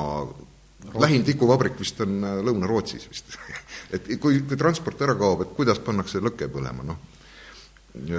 kui Rooma, kui Rooma riik kukkus kokku, äh, siis äh, suurem osa nendest elanikest teadis, oskas, ma ei tea, tuld teha, oskas toitu kasvatada, oskas ta vist, ma ei tea, mingist, mingist asjast endal näiteks jalanõud valmistada või, või, või, või riiet kududa, me, meil ei ole ühtegi sellist baasteadmist meie puhul tuleb olukord palju hullem, aga Rooma kokkulangemisel see, mis juhtus Euroopas, kaks kolmandikku planeedi elanikkonnast hävis. no tookord siis Rooma riigi kaks kolmandikku elanikkonda vähenes. selle, selle käigus, isegi mõned hinnangud on see oli Rooma riigi kohta? see oli Rooma riik. kolmsada miljonit elas et, et, et see on päris, päris karm tulemus aga nemad oskasid selles keskkonnas käituda, meil ei ole mingisugust kogemust äh, ilma, ilma kõrgtehnoloogiliste karkude ja maksimarketiteta, me, me ei saa hakkama, me ei tea, kuidas aga kuidas siis ma saan aru, sa tegeled sellega igapäevaselt, et mõelda selle lahenduse peale, et nüüd peale selle, äh, nüüd selle äh, lokaalvalitsuse raamatu ilmumist, et et kus on nagu, kus me peame varjuma oma maakodudesse koos linnasugulastega, et kas meil on vahepeal, kas on mingeid arenguid äh, sellises suunas ka, et, et äh, noh, mingeid, ma ei tea, rahvusvahelisemaid? Rahvusvahelise, ei no tegelikult, kui sa vaatad neid initsiatiive ümber maa, ümber maakera kõikvõimalikes kohtades on ju päris palju ja ja on, mõned on niisugused natukene võib-olla naiivsemad, seal on need äh, transition towns, üleminekulinnad ja mõned on niisugused päris konkreetsed. Äh, ma vaatasin, meil on ka see Transitioni liikumisega on ühinenud Tartu, Elav Tartu vist oli selle nimi ja ma vaatasin seda kodulehekülge ka, et seal on äh, mehed, kes parandavad saapaid ja teised, kes jalgrattaid ja, ja, ja nii edasi, aga kas see toimib ka, et et kas, kas no ma arvan, et kõige olulisem on mingi psüühiline noh, valmisolek isegi on, on minu meelest kõige, kõige olulisem kogu selle asja juures, et et ega loota, et nüüd noh, tänapäeva inimene nüüd suudaks, ma ei tea, viita metsa ja kõik saavad hakkama, noh on, palju on selliseid ka, kes saavad hakkama. kes on ennast koolitanud selleks või ütleme, siin on Kaitseliidu inimesi, kellel on vastav koolitus või, või sõjaväes või kuskil, kuskil on saanud selle või siis ongi mingid spetsprogrammid, aga aga põhimõte, milles põhimõte selles, et sa ei pea selleks olema mingi metslane selleks, et et omandada need teadmised, mida sul võib vaja minna siis, kui midagi peaks juhtuma. et see ei ole nagu selles mõttes äh, selline nagu saatuse manamine, et me peame kindlasti seda tegema, et mina loodan ka ikkagi, et see Ex Machine tuleb kuskilt. ma väga loodan, kõigest hingest loodan, aga samal ajal ei tee paha natukene ennast ette valmistada ja see, siin on see vastuolu selle kahe asja vahel, et üks on see, et eh, mida, mis on inglise keeles, et, et noh, et best first eesti keeles siis, et, et, et par-, parim. enne, ehk siis ma haaran kõige lähima vaja, noh, kättesaadava energia järele kõige liht-, väiksema kuluga. aga nüüd teine, teine pool asjal on, on see, et, et me peame nagu seda praegu, kui meil veel on see energia olemas, peaksime hakkama, inimesed peaksid hakkama teistmoodi käituma ja mõtlema, kui noh, tänane elu õues nõuab. et kuidas sa näed ilma sunnivahenditeta selle nagu juurutamist, et, et kas arvan, läbi hariduse või, või läbi keegi ei näe seda, sest et see, see on, sisuliselt on see religioosne või, või niisugune usu küsimus, noh. aga kuidas see religiooni, ma ei saanudki aru, lugedes neid raamatuid, et seal oli ainult korra oli maausust juttu, aga rohkem nagu eriti ei olnud, et et no jutt oli sellest, et seal, et, et, et tõenäoliselt inimestel on vaja mingisugust sellist noh, inimesed peavad millessegi uskuma, noh, me oleme siiamaale uskunud paremasse tulevikku, noh, me, me praegu näeme mida, me näeme seda, et meil selle lääneliku demokraatia alustalad lagunevad, meie senine maailmakorraldus ja maailmapilt on rajanud millel? on, on niisugune heas mõttes niisugune väikekodanlik keskklass, kelle eluideaal on olnud juba üle saja aasta see, et minu lapsed peavad elama paremini, kui elasin mina. nüüd, kui, kui see ebavõrdsuse suurenedes, majandus, majandus, majanduse stagneerudes ja, ja nende olukordade teravnedes on tekkinud olu-, selline, selline olukord, kus keskklass kogu aeg siin osas, maailma osas ka ahaneb. Hea küll, Hiinas ta kasvab siiamaale veel, aga meil on ta hakanud kahanema ja tulemus on mis? see varasem selline tsentraalne ütleme, ütleme, mõõdukas poliitika on asendunud sellega, et et, et ei ole enam seda platsdarmi, kus vasak ja parem äärmus, mille peal nad saavad rääkida või kes hoiaks neid nii-öelda, laseks neil küll nii-öelda mõliseda, eks ole, aga, aga hoiaks nad samal ajal vaos, hääled oleks kõik, kõik arvamused oleks esindatud, aga ikkagi see keskklass oleks kõige suurem. nüüd on hakanud see keskklass ära langema ja tulemus on mis? vasak ja parem äärmus saavad kokku, seda alust enam ei ole ja nüüd järgneb see, et sa oled loll, ei, hoopis sina oled loll. mingisugust arutelu, mingisugust kommunikeerimist sisuliselt enam ei ole, me, me näeme seda mitte aga ainult, me näeme seda internetis. me näeme Seal seda igal kasvab. pool, me näeme igal pool seda. ei, aga see internetis see diskussioon siiski kasvab, et, et on äh, tekkinud sellised asjad nagu noh, üks neist on intellectual dark web, kus teatud seltskond äh, tarku inimesi, käib üksteisel külas, samamoodi nagu meie siin praegu räägime ja ja, ja hoiavad seda diskussiooni üleval ja mõte ongi selles, et äärmused hoida diskussioonis, sest vastasel juhul on kas türannia või, või siis noh, mingi hullem asi, et et, et, et see diskussioon ongi ainus võimalus, mina saan nii aru praegu. et see, et me räägime ja siis võib-olla keegi kuulab ja kellelgi tekib mõte ja siis ta paneb, hakkab midagi tegema ja jah, aga jutt oli sellest, et miks see usk peaks olema. et see, et selline äh, sisuliselt kõige parem vahend ongi inimesel alati selline äh, noh, seda on inetu öelda, aga see pime usk ongi kõige parem. ideaalne Nõukogude Liidu kodanik oli see, kes pimedalt uskus sellesse, et kommunism ongi kõige parem, oligi see nii-öelda eeskujulik Nõukogude inimene, tema täitis seda rolli, mida oligi vaja täita. praegu on ideaalne inimene minu meelest see, kes äh, usub, et äh, noh, me ütleme ühiskondlikule korrale, kes usub, et äh, ikkagi see progress on endiselt võimalik, et tema saab teha teatud asju selle, selleks, et see mm, püsiks, et kui ta aitab kaasa, aga see, mida mina arvan, on see, et, et tegelikult tuleks nagu see pime usk kõrvale lükata ja samal ajal, kui tegutseda endiselt selle, selle nimel, et noh, et loodetavasti kõik on edaspidi parem, samal ajal valmistada ette ka selleks, et kui äkki juhtub, et läheb hullemaks. mitte, see ei ole mitte siis ikka mingisugune maailma lõpu ootus. samal ajal teed seda?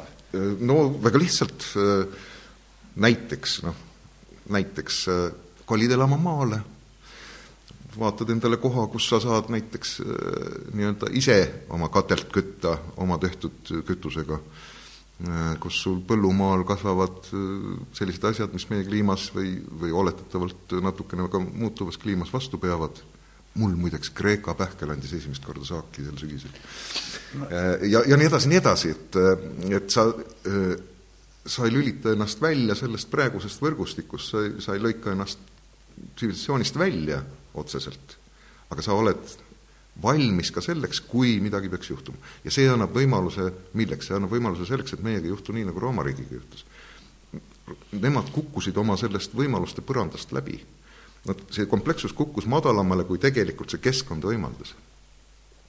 kasv käis, eks ole, kasvuperiood on lihtne, kasv käis niimoodi, et vallutused olid? just nimelt, jah, noh, võeti ära Makedoonia kuningriik, sisuliselt mis juhtus, kulla hind langes kolm korda, aga mis see kuld on, ta on sisendenergia tegelikult, kulla vastu sa said vahetada mida, vilja, sa said osta tööjõudu, orje, sõjaväe teen-, teen-, noh, sõjaväe jaoks vajaminevaid asju ja said edasi vallutada.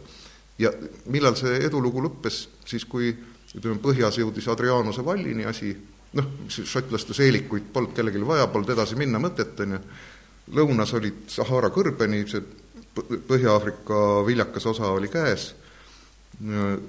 idas jõudsid äh, Mesopotaamia aladele praktiliselt ja tekkis olukord, kus kuigi edasi võib-olla oleks midagi ka vallutada olnud, aga kui praktiliselt mõelda, noh, laod seal siis neid, ma ei tea, mingid viljad näiteks käru peale, hakkad härjaga minema siis Rooma poole ja ja siis see pagana härrak sööb ju tee peal ära kogu selle koorma. nojah, need teed, mis kõik Rooma viisid, olid jube pikad. just, ja siis äkki mis selgus, selgus, et tegelikult Rooma ei ole mitte midagi enamat kui tavaline agraarriik ja sa ei suuda kogu seda kokku röövitud varanduste najal üles ehitatud infrastruktuuri, värske vesi igas majas, eks ole, järgmine selline moment, vesi ja kanalisatsioon, järgmine sekkuv moment oli tuhat üheksasada kakskümmend neli Pariis Euroopas.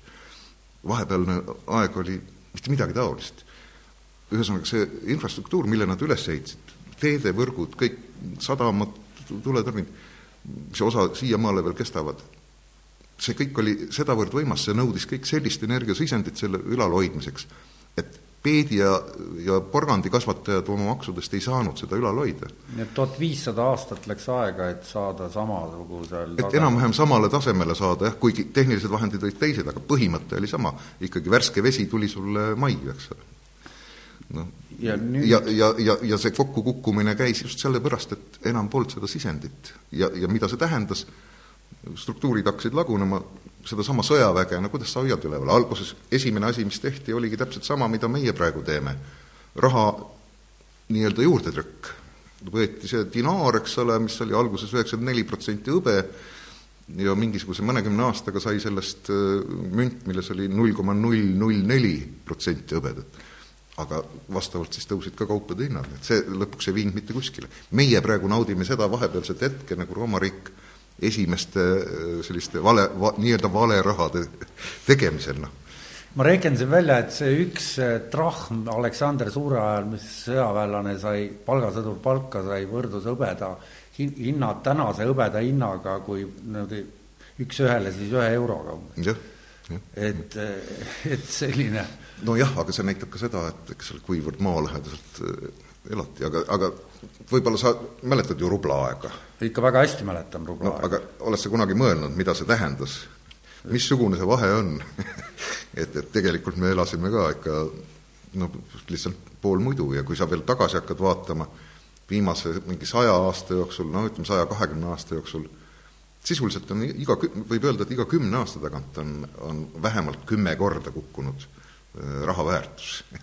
nojah, aga nüüd, äh, kui me oleme nagu mitu põlvkonda, mitu-mitu põlvkonda on äh, ladestunud meisse seda nii-öelda geneetilist harjumust, ma ütlen täiesti segase väljendi praegu, et, et, et elu on lill, et, et kuidas sa ikkagi reaalselt näed, ma tahaks ikka seda teada, et, et, et kuidas enne seda kollapsit inimestele selgeks teha, et tuleb käituma hakata vastavalt sellele, et et noh, reaalselt tuleb see kollaps, et et sa ütlesid, et Deus Ex Machina, et sa et sa ikka ootad ka seda, et, et ma loodan.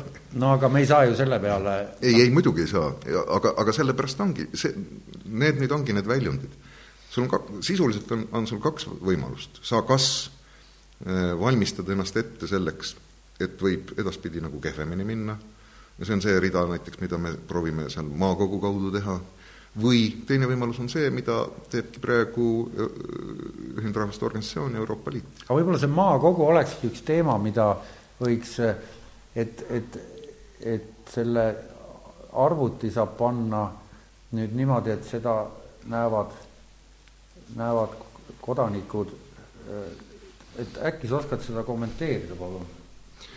mis, mis see või, või noh, ei ole vist mõtet seda ekraani peal hakatagi panema, see on maakogu.ee, et, et mis selle eesmärgid ja, ja kuidas ja mis sellega on?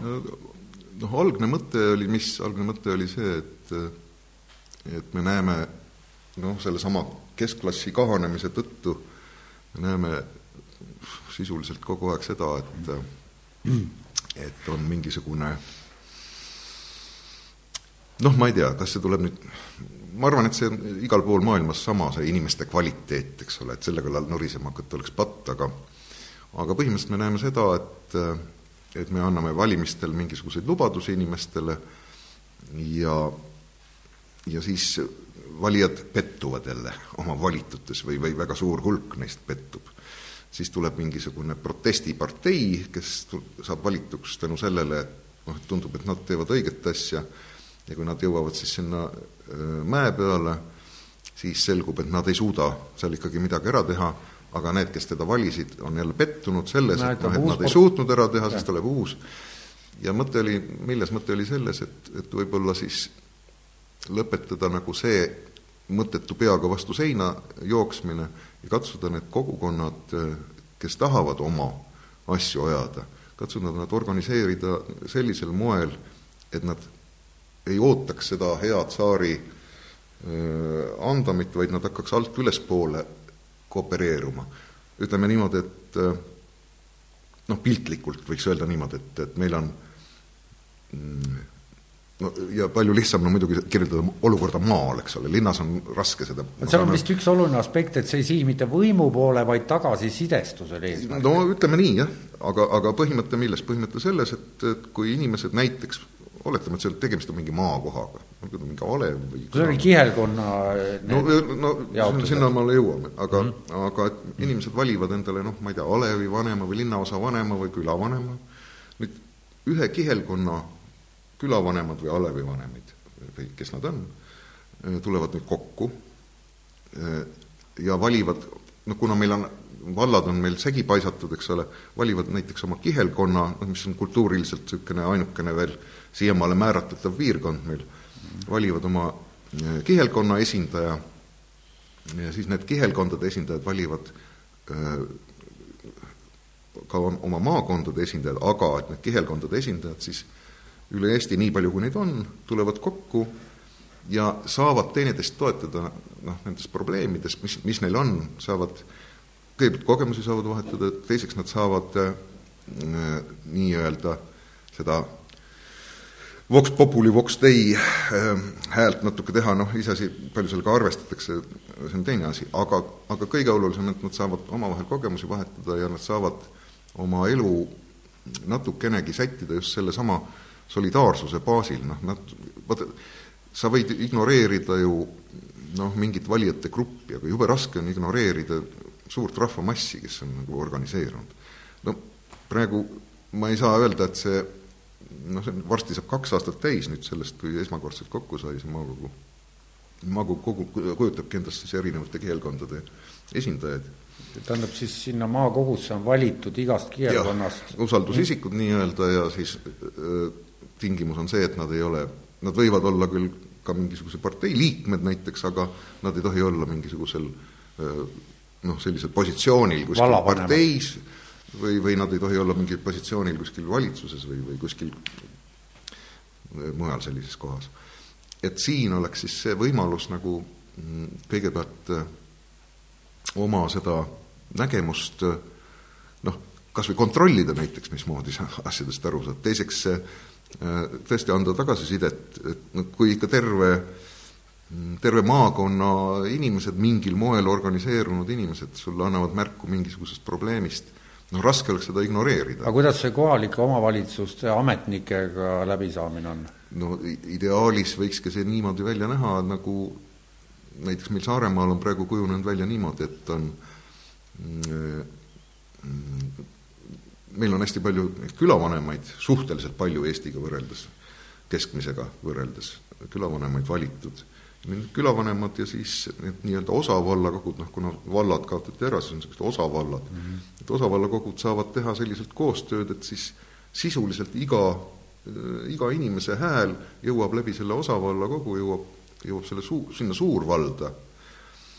kusjuures siis eeldus on veel see, et, et see hääl on tõesti noh, selline kuidas öelda, kaalutud, selles mõttes kaalutud, et ei, ei teki mingeid selliseid otsustamisi, et kus on viiskümmend üks protsenti ja nelikümmend üheksa protsenti. konsensusliks pigem? Eh, jah, pigem lähemal konsensusele, et noh, seal on kirja pandud meil, et on vähemalt seitsekümmend protsenti peab olema otsuse poolt sest noh, päris lõputult saja protsendi peale minna oleks keeruline no,, aga, aga, aga see, see on selge, et mingi sellised hääletamised nagu et nelikümmend üheksa, viiskümmend üks, no need tekitavad alati ainult lõhestavad ühiskondi, nad ei, nad ei liida mitte selge, meil on nüüd kihelkonnad, kus on siis leitud see kon-, konsensuslähedane paar, kaks kolmandikku on, nii valivad inimesi sinna. nüüd nad ja siis teil oli seal nõuandev kogu, kus on siis teadlased, spetsialistid ja mis on täiesti niisugune neutraalne ja sõltumatu. kes on nõus, kes on nõus oma nõu andma, kui, kui seda küsitakse, aga aga ega, ega see ei ole praegu lihtne, me, me oleme ikkagi harjunud sellega, et, et see kogu see meie komplekssüsteem töötab selliselt, et et me valime endale selle hierarhia juhi või selle hea tsaari nii-öelda ja ootame, et tema siis või, või keegi sealt ülevalt poolt ütleb. sa räägid praegu peaministrist? ma räägin praegu põhimõttelisest printsiibist okay.. et, et me ootame, et keegi ütleks meile, mida teha. et see altpoolt tulev initsiatiiv on ikkagi niisugune tagasihoidlik, sest keegi ei usu, et noh, et keegi ei usu, et hästi, et noh, et kui ma tahan midagi teha või meie tahame või meie küla tahab, et me saamegi seda teha et vot kui sellest seinast veel läbi murda saaks, siis, siis võiks asjad äh, palju paremini areneda, aga mis see annab, see annab jube hea eelduse selleks, et inimesed saaksid ise hakkama.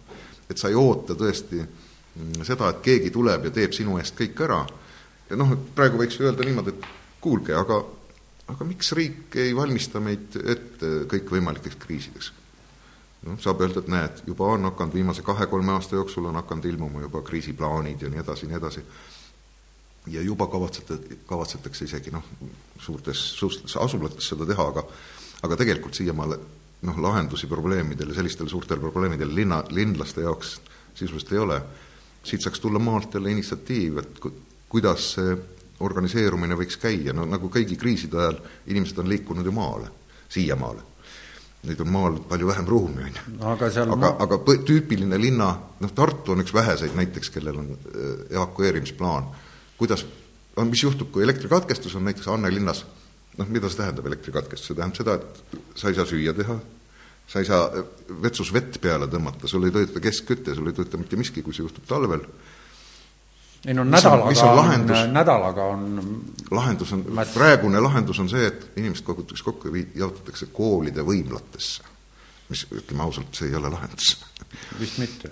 noh, aga, aga nüüd, kui näiteks oleks võimalik äh, iga, iga inimene näiteks ka, ka kuskil seal, kus, kus inimesed ise on harjunud endale seda ressurssi hankima, teavad ja lepivad kokku, et vot näiteks minu juurde tuleb nii palju inimesi.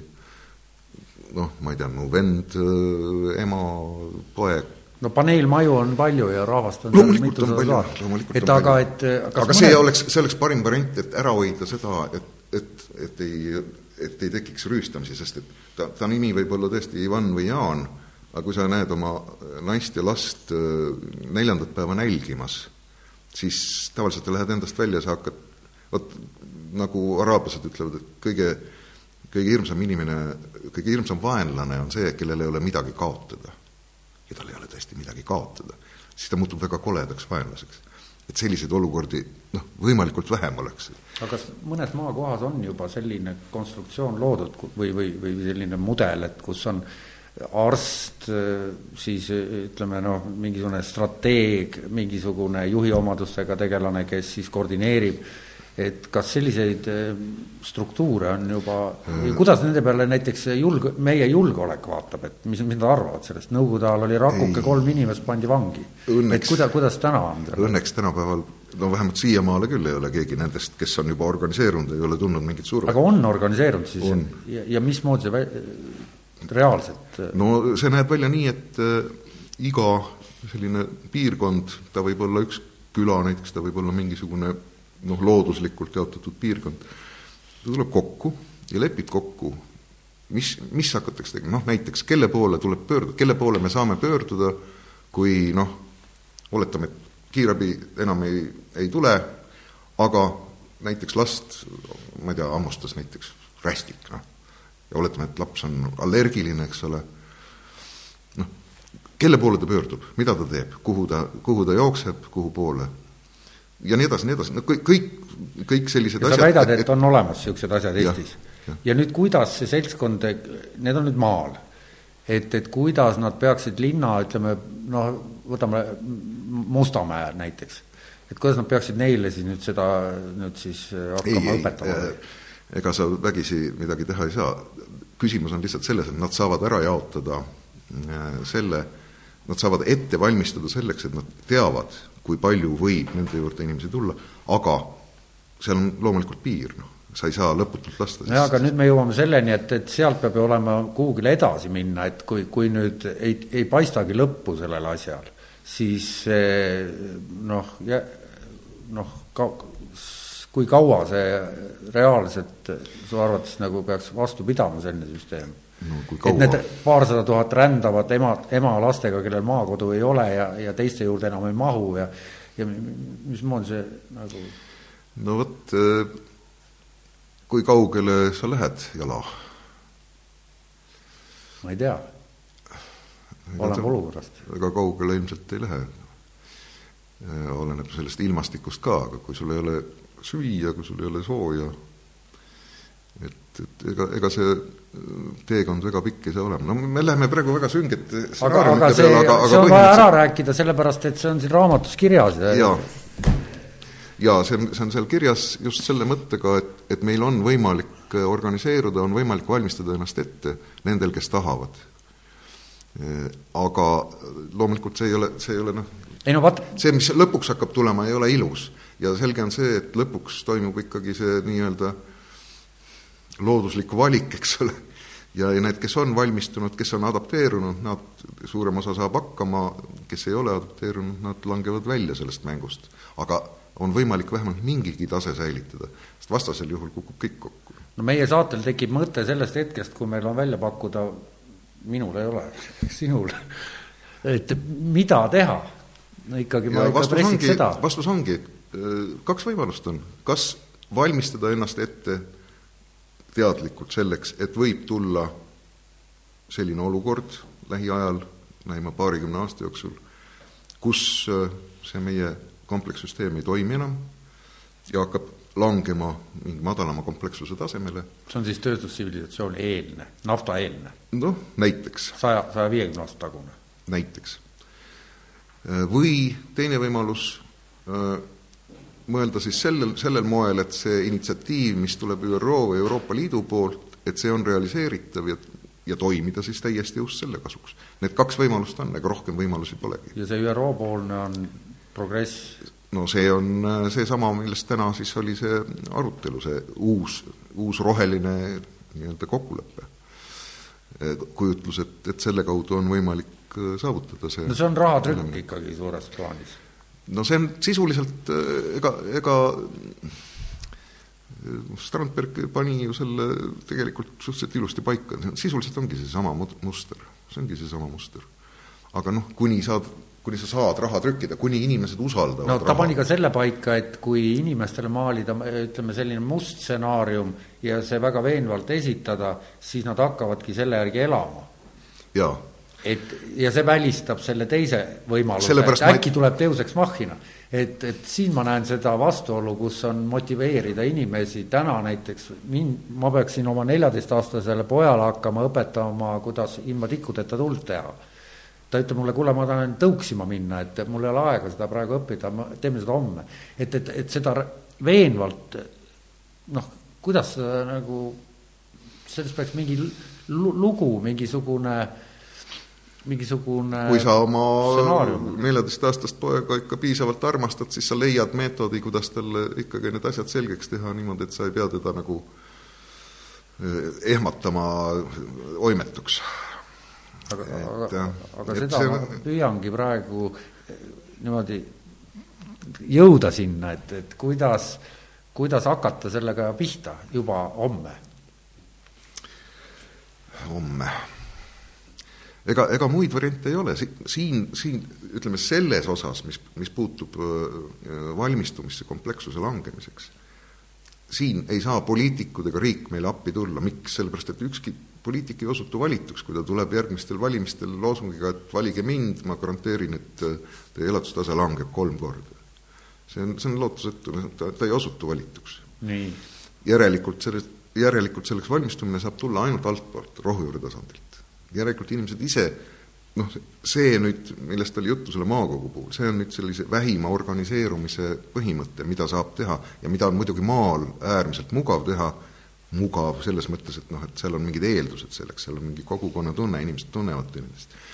linnas on palju raskem seda teha, aga ka linnas noh, näiteks Kalamajas, eks ole, me teame, et on mingid kogukonnad ja nii edasi siin mõnel pool veel. no, siin tegeldakse veganlusega. no okei okay,, jaa, aga, aga, aga jaa, selles mõttes on ta teine asi, aga neil kogukondadel on eeldused sellega tegelema hakata, kui nad tahavad. aga põhimõtteliselt me ei saa oodata ülevalt poolt seda tulekut, nii et, et meil on kaks varianti, me kas usume kindlalt, et see tõuseks mašiin tuleb ja, ja see on see, mida meile pakub praegu ÜRO ja Euroopa Liit, või siis me tegutseme selleks, et vabandust, mitte kaks varianti, meil on isegi kolm varianti. esiteks uskuda seda, et, et kõik läheb hästi ja, ja me saame hakkama sellega, ÜRO ja Euroopa Liidu programmide kohaselt. teine võimalus on see, et me ei usu seda ja valmistume siis selleks, et, et asjad võivad halvasti minna, aga kolmas võimalus on, et me usume seda, aga me valmistame endale tagalat ikkagi. ja minu meelest see on kõige positiivsem programm. no aga siin tuleb, vaat kes seda ütles, seda, see tsitaat on Schrödingerit, et, et õigemini kolm et kapitalism on see, kui ma arvan, et me võidame selle mängu, sotsialism on see, et me mängime viiki ja müstitsism on see, et me saame sealt välja astuda. et hoopis sellised variandid. see on, see on need, see energia, energiajäävuse seaduste noh, kirjeldus selleks, et nagu neid nii populaarteaduslikult seletada. aga see on sellesama jutu, mille, mida me nüüd oleme rääkinud ju, kvintessents, et, et, et, et, et see mäng, millest me räägime, on see, sina taandad selle termodünaamika seadustele, et noh, et et, et noh, et kui peale ei tule, siis noh, siis tuleb kollaps. et, et noh, et ja, ja, ja, ja tema ütleb seda, et noh, et see on et mängust välja astuda ei saa? mängust välja astuda ei saa. no vot, mängust välja astuda tõepoolest ei saa, aga mida me saame teha, me saame ise panna paika mängureeglid hetkeks, kui meile enam pealt, ülevalt poolt mängureegleid peale ei suruta. seda me saame teha. me ei astu mängust välja, vaid me tekitame olukorra, et kui ülevalt poolt dikteeritavad mängureeglid kaovad äkki ära, siis meil on olemas mängureeglite võrgustik, mille järgi me hakkame toimima. ja me ei lähe mängust välja, vaid me jääme mängu, see ongi tegelikult siht, ongi mängu jääda ma ei tea, kas ma püüd-, sain sulle ei, ei, tähendab, siin, see eeldab ikkagi väga sellist, ütleme, võrgustikupõhist no, no sellest ongi jutt. horisontaalset, aga inime-. aga ta ei pea lõputu olema, ta ei pea tohutu, ta ei pea üleriigiline, piisab sellest, kui kui sinu küla teab, naaberküla teab või sinu kvartal teab, naaberkvartal teab, mis teha ühel või teisel juhul ja nad toimivad kooskõlastatult. no juba on nii, et naaberkülas on kapsas, aga meie külas on, on peet et juba noh, on vaja kas need asjad nii, kokku leppida. kas või nii, või naaberkülas on arst ja meil on näiteks ja. mingi mees, kes oskab kalavõrku näiteks punuda. nii, aga siin nüüd tulevadki need kvantitati-, no need piirid, et, et kuidas noh, ma tahaks ikkagi saada niisuguseid hästi konkreetseid juhiseid. et mul on ka Saaremaal äh, suvekodu ja et meil on selline hajaküla ja enamus, kes seal elavad, on suvitajad mm. -hmm. et, et, et nüüd, mis me nüüd siis teeme? et kõik elavad linnas. nüüd tõmmatakse juhe välja, mis meist peaksime minema kõik Saaremaale ja mida tegema siis no, hakkama? Teil oleks vaja teada kõigepealt, kes sinna siis tulevad, kui juhe välja tõmmatakse siis teil on vaja kokku leppida nende inimeste vahel, kes mida oskab teha ja kes mida on nõus tegema ja kes mida tahab teha ja, ja ja kui vaja, siis ka kes, kes mida sunnitakse tegema, oletame näiteks, et et ei ole näiteks meil selles ümbruses inimest, kes, kes oleks arstiharidusega, no siis me võtame ühe ohvri, valime välja, kes on sunnitud endale selgeks tegema vähemalt esmaabi kõige olulisemad võtted, varuma mingisugused aga tema tahab palka saada? Ei. kuidas sa motiveerid? ei, seda ei saa olla, saad aru, see, see ongi nüüd see vastastikuse ellujäämise küsimus, et, et sa suudad seda komplekssust hoida Kas.... et, et see, et sina kasvatad kartulit, aga tema tõmbab sul hamba välja, kui vaja on aga kas see on kohusetunne või on see vastutustunne? mina arvan, et see on lihtsalt ellujäämisinstinkt, kui, kui sa seda rakendad ja, ja loomulikult ei pruugi kõik inimesed sellega kaasa tulla ja seda polegi vaja aga, aga põhimõte on ikka sama, nii nagu vanasti nendes kogukondades oli, et kes, kes kogukonnaga ei mängi, sellega ei mängi ka kogukond ja ongi. no aga jällegi nüüd me jõuame selleni siin, et, et, et best first, et, et alles kaks tuhat üksteist umbes oli see, kui üle poole inimestest elab planeedil, elab nüüd linnades. nüüd me tahame selle siis tagurpidi pöörata. ei, me ei pööra ju midagi tagurpidi. see, millest ma räägin, on see, et me valmistame ette tagala endale me ei pööra midagi pahupidi, vaid valmistame. see, ütleme, see maakogu initsiatiiv lähtub sellest, et me ei pööra midagi tagurpidi, et me ei püstita deviisi tagasi puu otsa, vaid me valmistame ennast ette selliselt, et me saame hakkama ka siis, kui midagi juhtub. ja ongi kõik, siin ei tasu ei tasu nagu tekitada endale illusiooni, et kuskilt keegi tuleb ja annab sulle täpselt reeglid, kuidas seda asja teha. Selle, need asjad tuleb ise koha peal leiutada ja need, seda saavad teha need inimesed, kellel on huvi selle vastu. ei saa vägisi kedagi sundida selleks. no ja kuidas, noh, sa, sa puutud sellega kokku nüüd, kuidas seal maakogu raames kihelkondades, et kui suur see huvi siis on? no väga, väga erinev, äärmiselt erinev, mõnes kohas ei toimu mitte midagi, mõnes kohas on inimestel juba külade kaupa näiteks plaanid tehtud ja on mõned kohad, kus on tõesti noh, ei saa öelda, et neid oleks palju, aga mõnes kohtas on tõesti inimesed täielikult läbi mõelnud, kõik stsenaariumid, isegi kaitsestrateegiad ja maastiku ärakasutamine, absoluutselt kõik, kui palju inimesi tuleb ja kui palju selliseid kohti on? vähe, aga, aga on, neid on. aga kuidas neid, kuidas nemad saavad seda informatsiooni jagada? või kas nad üldse tahavad seda jagada? Sa mõtled, et miks, kas nad peaksid kirjeldama oma, oma neid no õpetama teisi või, või inspireerima või ku, ku, kuidas see inform-, see no näiteks ma olen kindel, et enamus linnarahvast ei ole kuulnudki ei loomulikult, aga, aga no näiteks noh, ütleme mingid noh, meil on valitsuse poolt praegu selline kriisikava on koostatud, see on, see on väga suur samm, väga, väga kõva samm edasi, aga näiteks selle alusel siis saab noh, iga niisugune asula koostada oma kriisikava, kus on juba konkreetselt selge, et, et, et põhimõte, et, et iga üksik inimene teab täpselt, mida peab tegema sel juhul, mida sel juhul, kuhu, kellega rääkida sel juhul, kui midagi sellist juhtub ja nii edasi, nii edasi.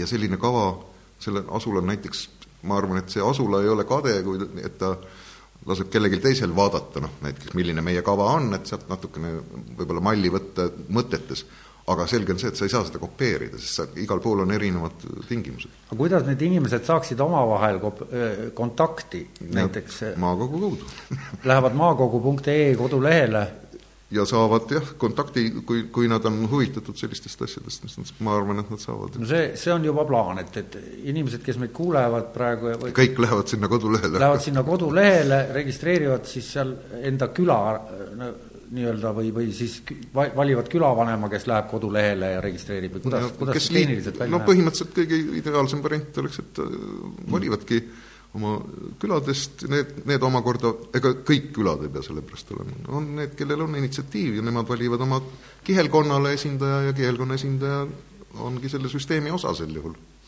Ja, ja, ja siis pikem eesmärk on see, et ootame, mis Euroopas saab. Ei, pikem eesmärk ei ole üldsegi mitte see, pikem eesmärk tegelikult on, on koostöö kõige tavalistemast, tavalisemates igapäevastes asjades, noh kas või näiteks no kas või näiteks see, kuidas on organiseeritud, no näiteks maal on väga oluline see, et kuidas näiteks bussiliinid on organiseeritud või, või näiteks prügivedu või?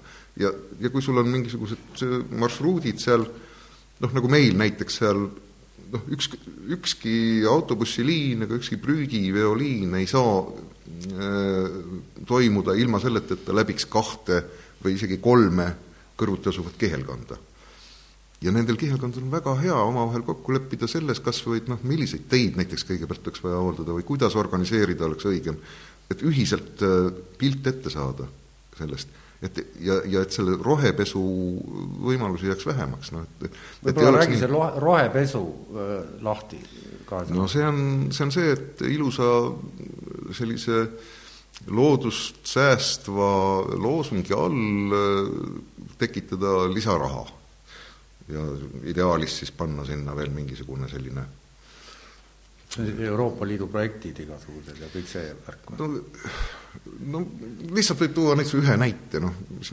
meil on nagu aktuaalne praegu, millest on palju, palju sahmimist tekkinud. Äh, prügiveo korraldus.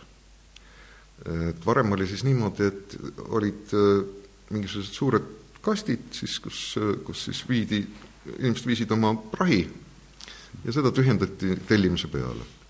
Nüüd on loodud uued äh, sellised eeskirjad, äh, mis tähendab seda, et enam ei saa ühiseid kaste olla, sellepärast et on vaja hakata, nüüd on vaja hakata sorteerima, ja see omakorda tähendab mida? see tähendab seda, et kaheksatonnine prügiauto sõidab tohutud vahemaid maha, mööda mingeid külavaheteid, mida on pärast vaja korrastama hakata, reostab õhku, reostab kõike ja lõpuks see kõik toob tegelikult kasumit noh, mingisugusele, ühele mingisugusele suunale, mingile ettevõttele või mingi seda ma nii, mille, mille asemel tegelikult see varasem variant oli, oli parem. ehk rohepesu on selline, selline äh, tegevus, mida esitatakse keskkonnale kasulikuna ja mida isegi võib-olla need inimesed mõtlevad keskkonnakasulikuna, aga mis tegelikkuses toodab kellelegi kasumit to,. toodab kellelegi kasumit ja samal ajal veel vastupidi, halvemal juhul ta tekitab veel suuremat reostust, veel suuremat lõhkumist keskkonnale, veel suuremaid, veel raskemaid tingimusi inimestele, nii et ja asjatuid, asjatuid põhjendamatuid selliseid väljaminekuid ja, ja ja muid selliseid probleeme, noh. et see, see, seda ma nimetaksin rohepesuks. et ilusa loosungi all teha täpselt vastupidist asja, noh, sisuliselt, sisuliselt võib nimetada näiteks rohepesuks ka selliseid lähenemisi statistikale, noh, ütleme nagu meil on praegu, et et on äh, raiesmik näiteks on endiselt ikkagi metsamaa ja või, või, või kui, kui ütleme, eelmisel aastal pandi siin äh, mingisugune õue, õuemaa, kus puu kasvas peal, liideti metsamaaga ja tõsteti, tõsteti üldist metsamaa hulka ja no, no kõik sellised, sellised nähtused ka lähevad sinna alla. et äh... et me näitame nagu, et oleks kõik, kõik on nagu ilus, aga tegelikkuses midagi ei muutu või läheb hoopis halvemaks, aga aga me saame raporteerida, et me oleme teinud suuri edusamme keskkonnahoius ja oleme rohelisemad kui ennem jah, see roheline ja öko ja sellised no, hea näide veel on, eks ole, seesama piirituse lisamine bensiini ja noh, noh kõik sellised, sellised asjad, noh. ja see ei toimu mitte mingi kohalikul tasemel alati, vaid see võib toimuda ka täiesti riiklikul või kogu Euroopa Liidu tasemel aga see jutt, mida ma meed-, no ütleme, kui võtta lahti tele-, televisioon, noh, see ETV, ETV kaks, Kanal kaks, TV3, no mis meil on Eesti televisioonijaamad, siis seal nagu nendel teemadel noh, ma ei tea, seda protsenti ma ei oska öelda, ega ma eriti palju ei vaata, aga aga nagu kuidagi ei taha keegi rääkida neist asjadest no aga mis müüb, müüb ju see, mis see Kardashian või ma ei tea, mis ta on või Kim Kardashian. jah, või kellel on seal mingisugused uus, uus tüdruk aga nüüd või... tegelikult ma, miks ma seda ütlen, on see, et, et see näitab nagu väga suurt ajalist sellist nagu nihet või et ma ei näe ka seda perspektiivis, et hakkaks sealt mingit teistsugust infot tulema.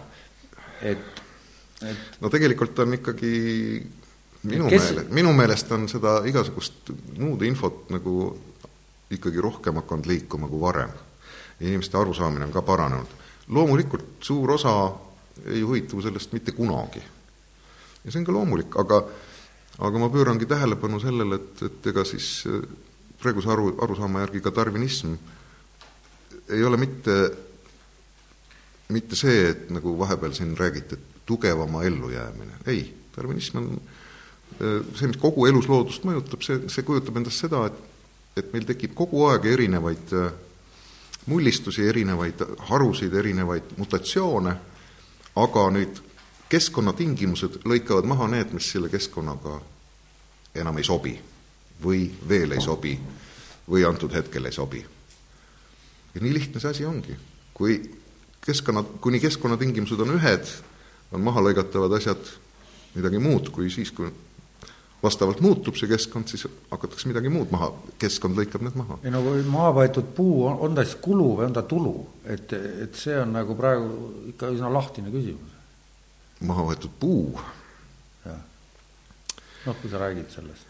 Äh, nojah, ma, sa pead silmas, et tarvinism lõikab meil metsad lage, lagedaks? ei, ei, sa kuidagi seal läks sinna, võib-olla ma sain valesti aru ei, ma pidasin silmas seda jah, et et äh, looduslik valik lõikab maha need, kellel ei ole huvi äh, eluliste küsimuste vastu. hiljuti Riigitelevisioonis ühes kultuurisaates öeldi välja selline mõte ka, et me oleme sellest punktist möödas, kus, äh, kus on võimalik tagasi pöörata ja, ja, ja, ja siis saatejuht küsis, et mis, mis siis lahendus on ja et kes siis ellu jäävad ja vastus oli, et, et, et nutikamad.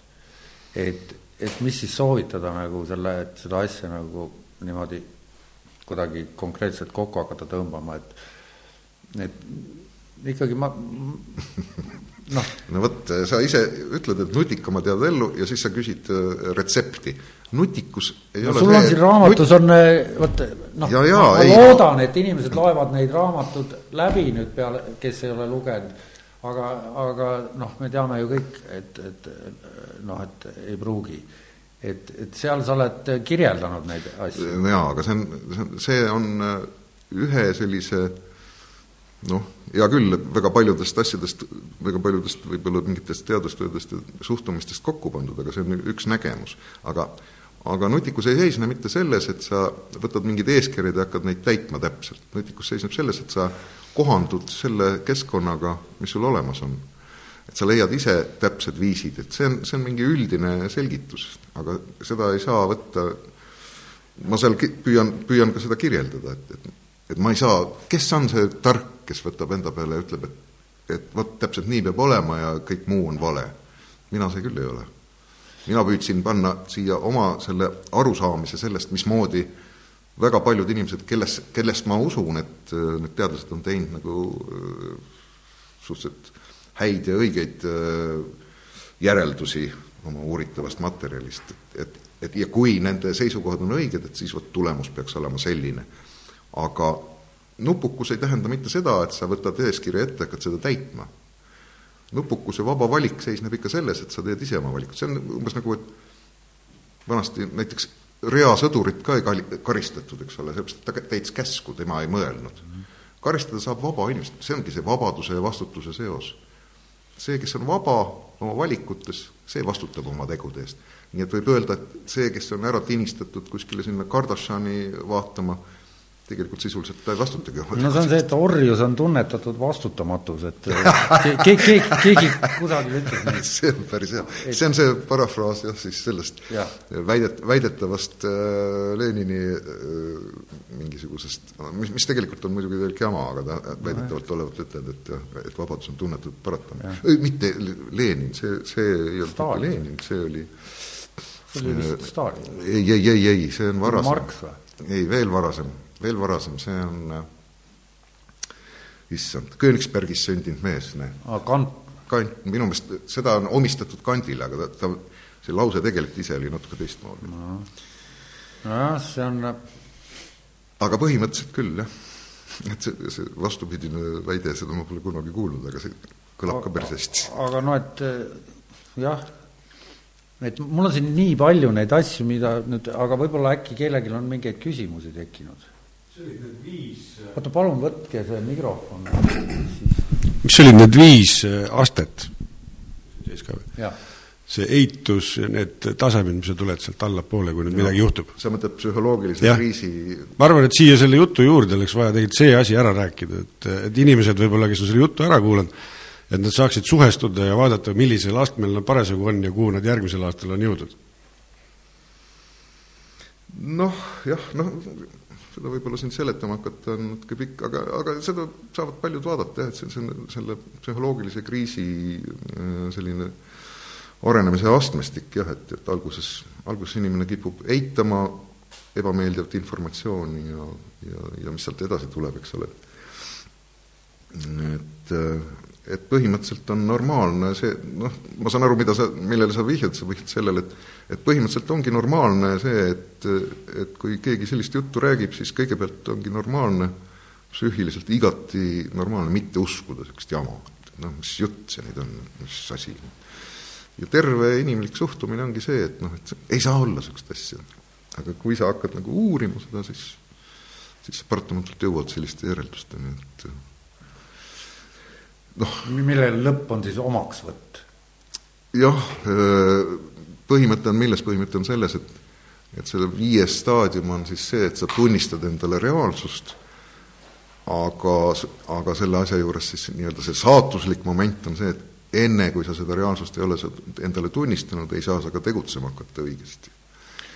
või, või ütleme siis niimoodi, et sa ei saa vastavalt saadud informatsioonile tegutsema hakata, kuni sa ei ole tunnetanud seda aga kõik need etapid, mis on enne seda, sa püüad seda endast eemale lükata, seal on see leina ja, ja ja viha ja vastuaku ja, ja nii edasi. naeruvääristumine. noh, apaatia ja sul oli seal pandud ka kohe sinna otsa viis kollapsifaasi, kus sa väidetavalt, et väidad seal, et kolmanda faasi keskpaigas umbes olime, kui Nõukogude Liit lagunes. no vot, ma veel kord ütlen, et et ma ise seal väidan jube vähe asju, ma, enamus neid asju on jah, seal on meeletult viiteid, äh, aga no see ei oma antud juhul tähtsust, et aga põhimõtteliselt jah, seda, seda kolmandat faasi me oleme näinud tegelikult, me nägime seda võib-olla no, räägiks vanemad... kiirelt, mis see viis faasi, et esimene oli? Äh, kõigepealt ma leian need raamatus kõigepealt on rahanduslik, rahanduslikud öö, probleemid. Ühesõnaga finantsprobleemid, see, mida me nägime kaks tuhat kaheksa, ütleme siis see ja mida me nägime tegelikult äh, Nõukogude Liidu kaheksakümnendate lõpp, jah. ah, okei okay., jah, siis äh, tuleb kaubandus, eks ole, et, et noh, selge see, kui rahandus ei toimi, siis ei toimi ka kaubandus, siis ei liigu ressursid. ja siis järgmine, kohe peale kaubandust, inimesed on niimoodi üles ehitatud, et siis tuleb valitsuskriis sellepärast et inimene, kes on ilma noh, kas või näiteks esmatarbekaupadeta, siis noh, kuhu te panite, noh nagu näiteks Egiptuses, eks ole. et äkki tekkis olukord, kus, kus ei olnud enam võimalik saada eluks vajalikke asju või need olid nii kalliks läinud. loomulikult öeldi, et noh, et järelikult valitsejad on tuuri pannud selle, et andke tagasi, kus meie asjad on. minnakse valitsuse kallale. siis minnakse valitsuse kallale, siis ja järgmine etapp siis selle kollapsil, no ütleme, Nõukogude Liidu puhul asi lõppes, eks ole, seal kuskil poole peal selle valitsuse tasandil või, või noh, meie jaoks ta lõppes tegelikult sellest üleminekuga, Vene Föderatsiooni jaoks ta jäi sinna kuskile poole peale pidama, igatahes valitsus pidi muutuma, aga siis järgmine kollapsi etapp on juba siis tsivilisatsiooni kokkuvajumine, see tähendab, mida see tähendab, seda, et tekib, tekib süsteem, süsteemitus igaüks hakkab nii-öelda jah, anarhia. Ja, ja viimane on siis selle kultuuritausta kadumine või see on see, millest, millest on, mida on kirjeldanud siis need inimesed, kes Gulagi laagrites olid, kes kirjeldavad seda, kuidas siis igaüks hakkab sisuliselt võitlema juba oma elu eest, et sure, mille moto on siis see jah, nagu ma ei mäleta, kas Sahharov vist kirjutas seda, et selle, sellise ellusuhtumise moto on siis see, et sure sina täna selleks, et mina saaksin surra alles homme et, et see on siis see viimane etapp, noh, ma ei tea, me, me lähme väga süngeks selle jutuga, no, aga ma loodan, et me ei pea seda nägema. ei, tähendab, me ei lähe süngeks selle, sellepärast et, et on ju oluline rääkida ära kõige süngemad stsenaariumid, et tunda ennast ikkagi veidi paremini, et see veel käes ei ole aa, see, selline lähenemine on ka muidugi. ja et see tuleks üllatusena, et, et aga noh, et, et kui me oleme pra-, kus me praegu oleme nende viie faasi no me oleme rahanduskriisis alles meil ei ole ju kaubanduskriisi veel. et eh, kuidas neid ära tunda? ja aga niimoodi me tunnemegi ära, et kui me ei saa enam kaubandusvõrgust seda, mida me tahaksime, siis me oleme järgmisse kriisifaasi jõudnud. aa, no sellest on asi kaugel. et no, kaupa praegu ikkagi on? no mingisuguseid imelikke asju me võime täheldada, aga üldiselt jah, kaua, kaubaga ikkagi probleeme ei ole, meil ei ole tegelikult õig-, õigeid probleeme isegi veel rahaga. ma mõtlengi, et kui ruttu see siis käib, kõik see viis faasi, et, et, et see peab ikka väga hull, hullult äh, nagu niisugune no, no teoreetikud ütlevad seda, et mida komplekssem on või mida, mida põimsam see süsteem on, seda kiirem on, on siis äh, kukkumine. ehk siis, et äh, ütleme, kui kui noh, näiteks siis no ütleme, tuhande üheksasaja kümnendal aastal kui oleks näiteks raudtee lakanud olemast, noh et tuua selline võrdlus lihtsalt, et oleks raudtee lakanud olemast, eh, siis see oleks eh, tunduvalt leebem mõju sellele ühiskonnale, kui, kui meie ajal, kui näiteks kaoksid asfaltteed või, või noh, mingisugune muu selline süsteem või noh, kui meie ajal elekter kaob, noh siis see on selge, siis on, siis on kõik kui nagu lumesahk ei tööta talvel ja kui on lund, siis sisuliselt võrdubki sellega, et asfaltteed ei aga, aga põhi, nojah, aga põhimõte on lihtsalt selles, selle võrdluse põhimõte on selles, et, et mida mida suurem on selle keerukuse aste või selle põimsuse aste, keerukust ei tohi segi ajada põimsusega mida põimsam see süsteem on, mida rohkem on seal tööjaotust ja mida rohkem on komponente, millest kõik ülejäänud komponendid korraga sõltuvad, seda kiirem on kukkumine. ja see, see on kõikides süsteemides niimoodi. mitte, mitte ainult äh, inimühiskonnaga, vaid ka äh, ja kasumlik, ma sain, sain aru, lugesin neid asju, kasumlikkus väheneb, mida võimsamaks ta muutub ja, ja siis ja see on paratamatus. ja see on paratamatus, on ka see, et lõpuks ta ei suuda enam seda kasumlikkust üldse hoida ja siis ta lihtsalt vajub. no looduslikes süsteemides siiamaale on niimoodi olnud jah, noh näiteks sa kirjutasid, majandus on loodusseadus? loomulikult. Et aga nüüd me, aga kuhu sa selle religioosse aspekti siis paned? Religioosse. ja me ennem rääkisime religioonist, et siia sobiks nüüd see, see teema jälle tagasi sisse tuua, et et kui majandus alt veab, et kas on veel mingeid vägevamaid jõude? no palju meil seda religioossust siis tänapäeval on? et religioossuse, religioossusest ma rääkisin selles mõttes, et hea on, kui inimesed usuvad millessegi. aga, aga religioossust meil jah, tänapäeval pole eriti, ega me võime öelda, et inimesed ju millessegi usuvad kindlasti mingitesse kõikvõimalikesse asjadesse, mis asendavad neile seda kunagist religiooni, aga ega Rooma, Rooma ajastul ka, ega Rooma oligi ju kuulus selle poolest, et algetapis ju oli kõigile lubatud oma usku uskuda ja, ja ei olnud mingit probleemi sellest, lõpus jah, mindi nii-öelda niisuguse sunniviisilise religiooni peale üle, aga aga ma ei arva, et see, et selles mõttes religioossus see on ainult, see on ainult see, mis aitab, aitab inimestel noh, hingeliselt hakkama saada, no aga muinasajal olid valitsejad, olid jumala staatuses sisuliselt, et, et sa oled ka nüüd kuni, kuningriigi hoidja, et, et kuidas selle, sellega on, et kuidas teil seal äh, ei põhikiri ole, ei ole kuni, ei ole jumala staatuses meie, meie kuningas ei ole. et äh, see oli lihtsalt ma mõtlen, et see valgustatud monarhi, ütleme noh, kontseptsioon, et, et, et, et see jooksis ka läbi sealt äh, raamatutest, et no see tuleb Platoni, see on see valgustatud türann, noh. et see on seesama, mida kasutati ka äh, Kreekas. ja saate alguses sa ütlesid, et see oleks lahendus. loomulikult oleks see lahendus selles mõttes, et, et äh, noh, sisuliselt näed, nähaks, nähaksegi selles lahendust ju ka ÜRO ja, ja Euroopa Liidu poolt. et sa saaks sunniviisiliselt noh, ükskõik, kas see käib siis läbi maksude või läbi hindade või läbi, ütleme siis sellise valitsuse, sellise valitsemisvormi, kus kus rahvusriiklikud mingid institutsioonid ei saa vahele segada, vaid neile pannakse tingimusteta peale vastavad kohustused. et selles mõttes see ongi türannia, eks ole. et, et selles mõttes küll aitab jah, see türannia, aga, aga ma väga kahtlen, et meie inimesed lepiksid sellega nagu suht- niimoodi rahulikult ja vaikselt. no see eeldab ikkagi väga tõsist hierarhilist, ütleme, süsteemi, mis on täpselt vastupidine sellele, millest me jällegi enne Absoluutselt. rääkisime. Absoluutselt et kui sa neid kihelkondades eh, tekitad neid eh, rohujuure tasandil asju, siis sa ei saa samal ajal panna türanni kogu seda asja juhtuma. absoluutselt, samal ajal ei saa, jah. nojah, aga aga see ongi nüüd see, see ongi nüüd see lahendus, noh, see ongi see lahendus, et sa et sa mõlemat saab korraga. kuidas? kui, kui, ei noh, sa, sa saad sedasi teha, sa saad elada niimoodi, et sa valmistad endale selle tagala rohujuure tasemel ette, aga samal ajal elad nende samade seaduste järgi, mis kehtivad parajasti. sest, sest väga raske on meie ühiskonnas elada väljapool seadust, noh. noh, see, see on selle asja mõte. Siis sa oled valmistunud. muidu sa ei ole valmistunud. nojah, kas kellelgi on küsi-, küsida selle kohta midagi veel? et see oota, palun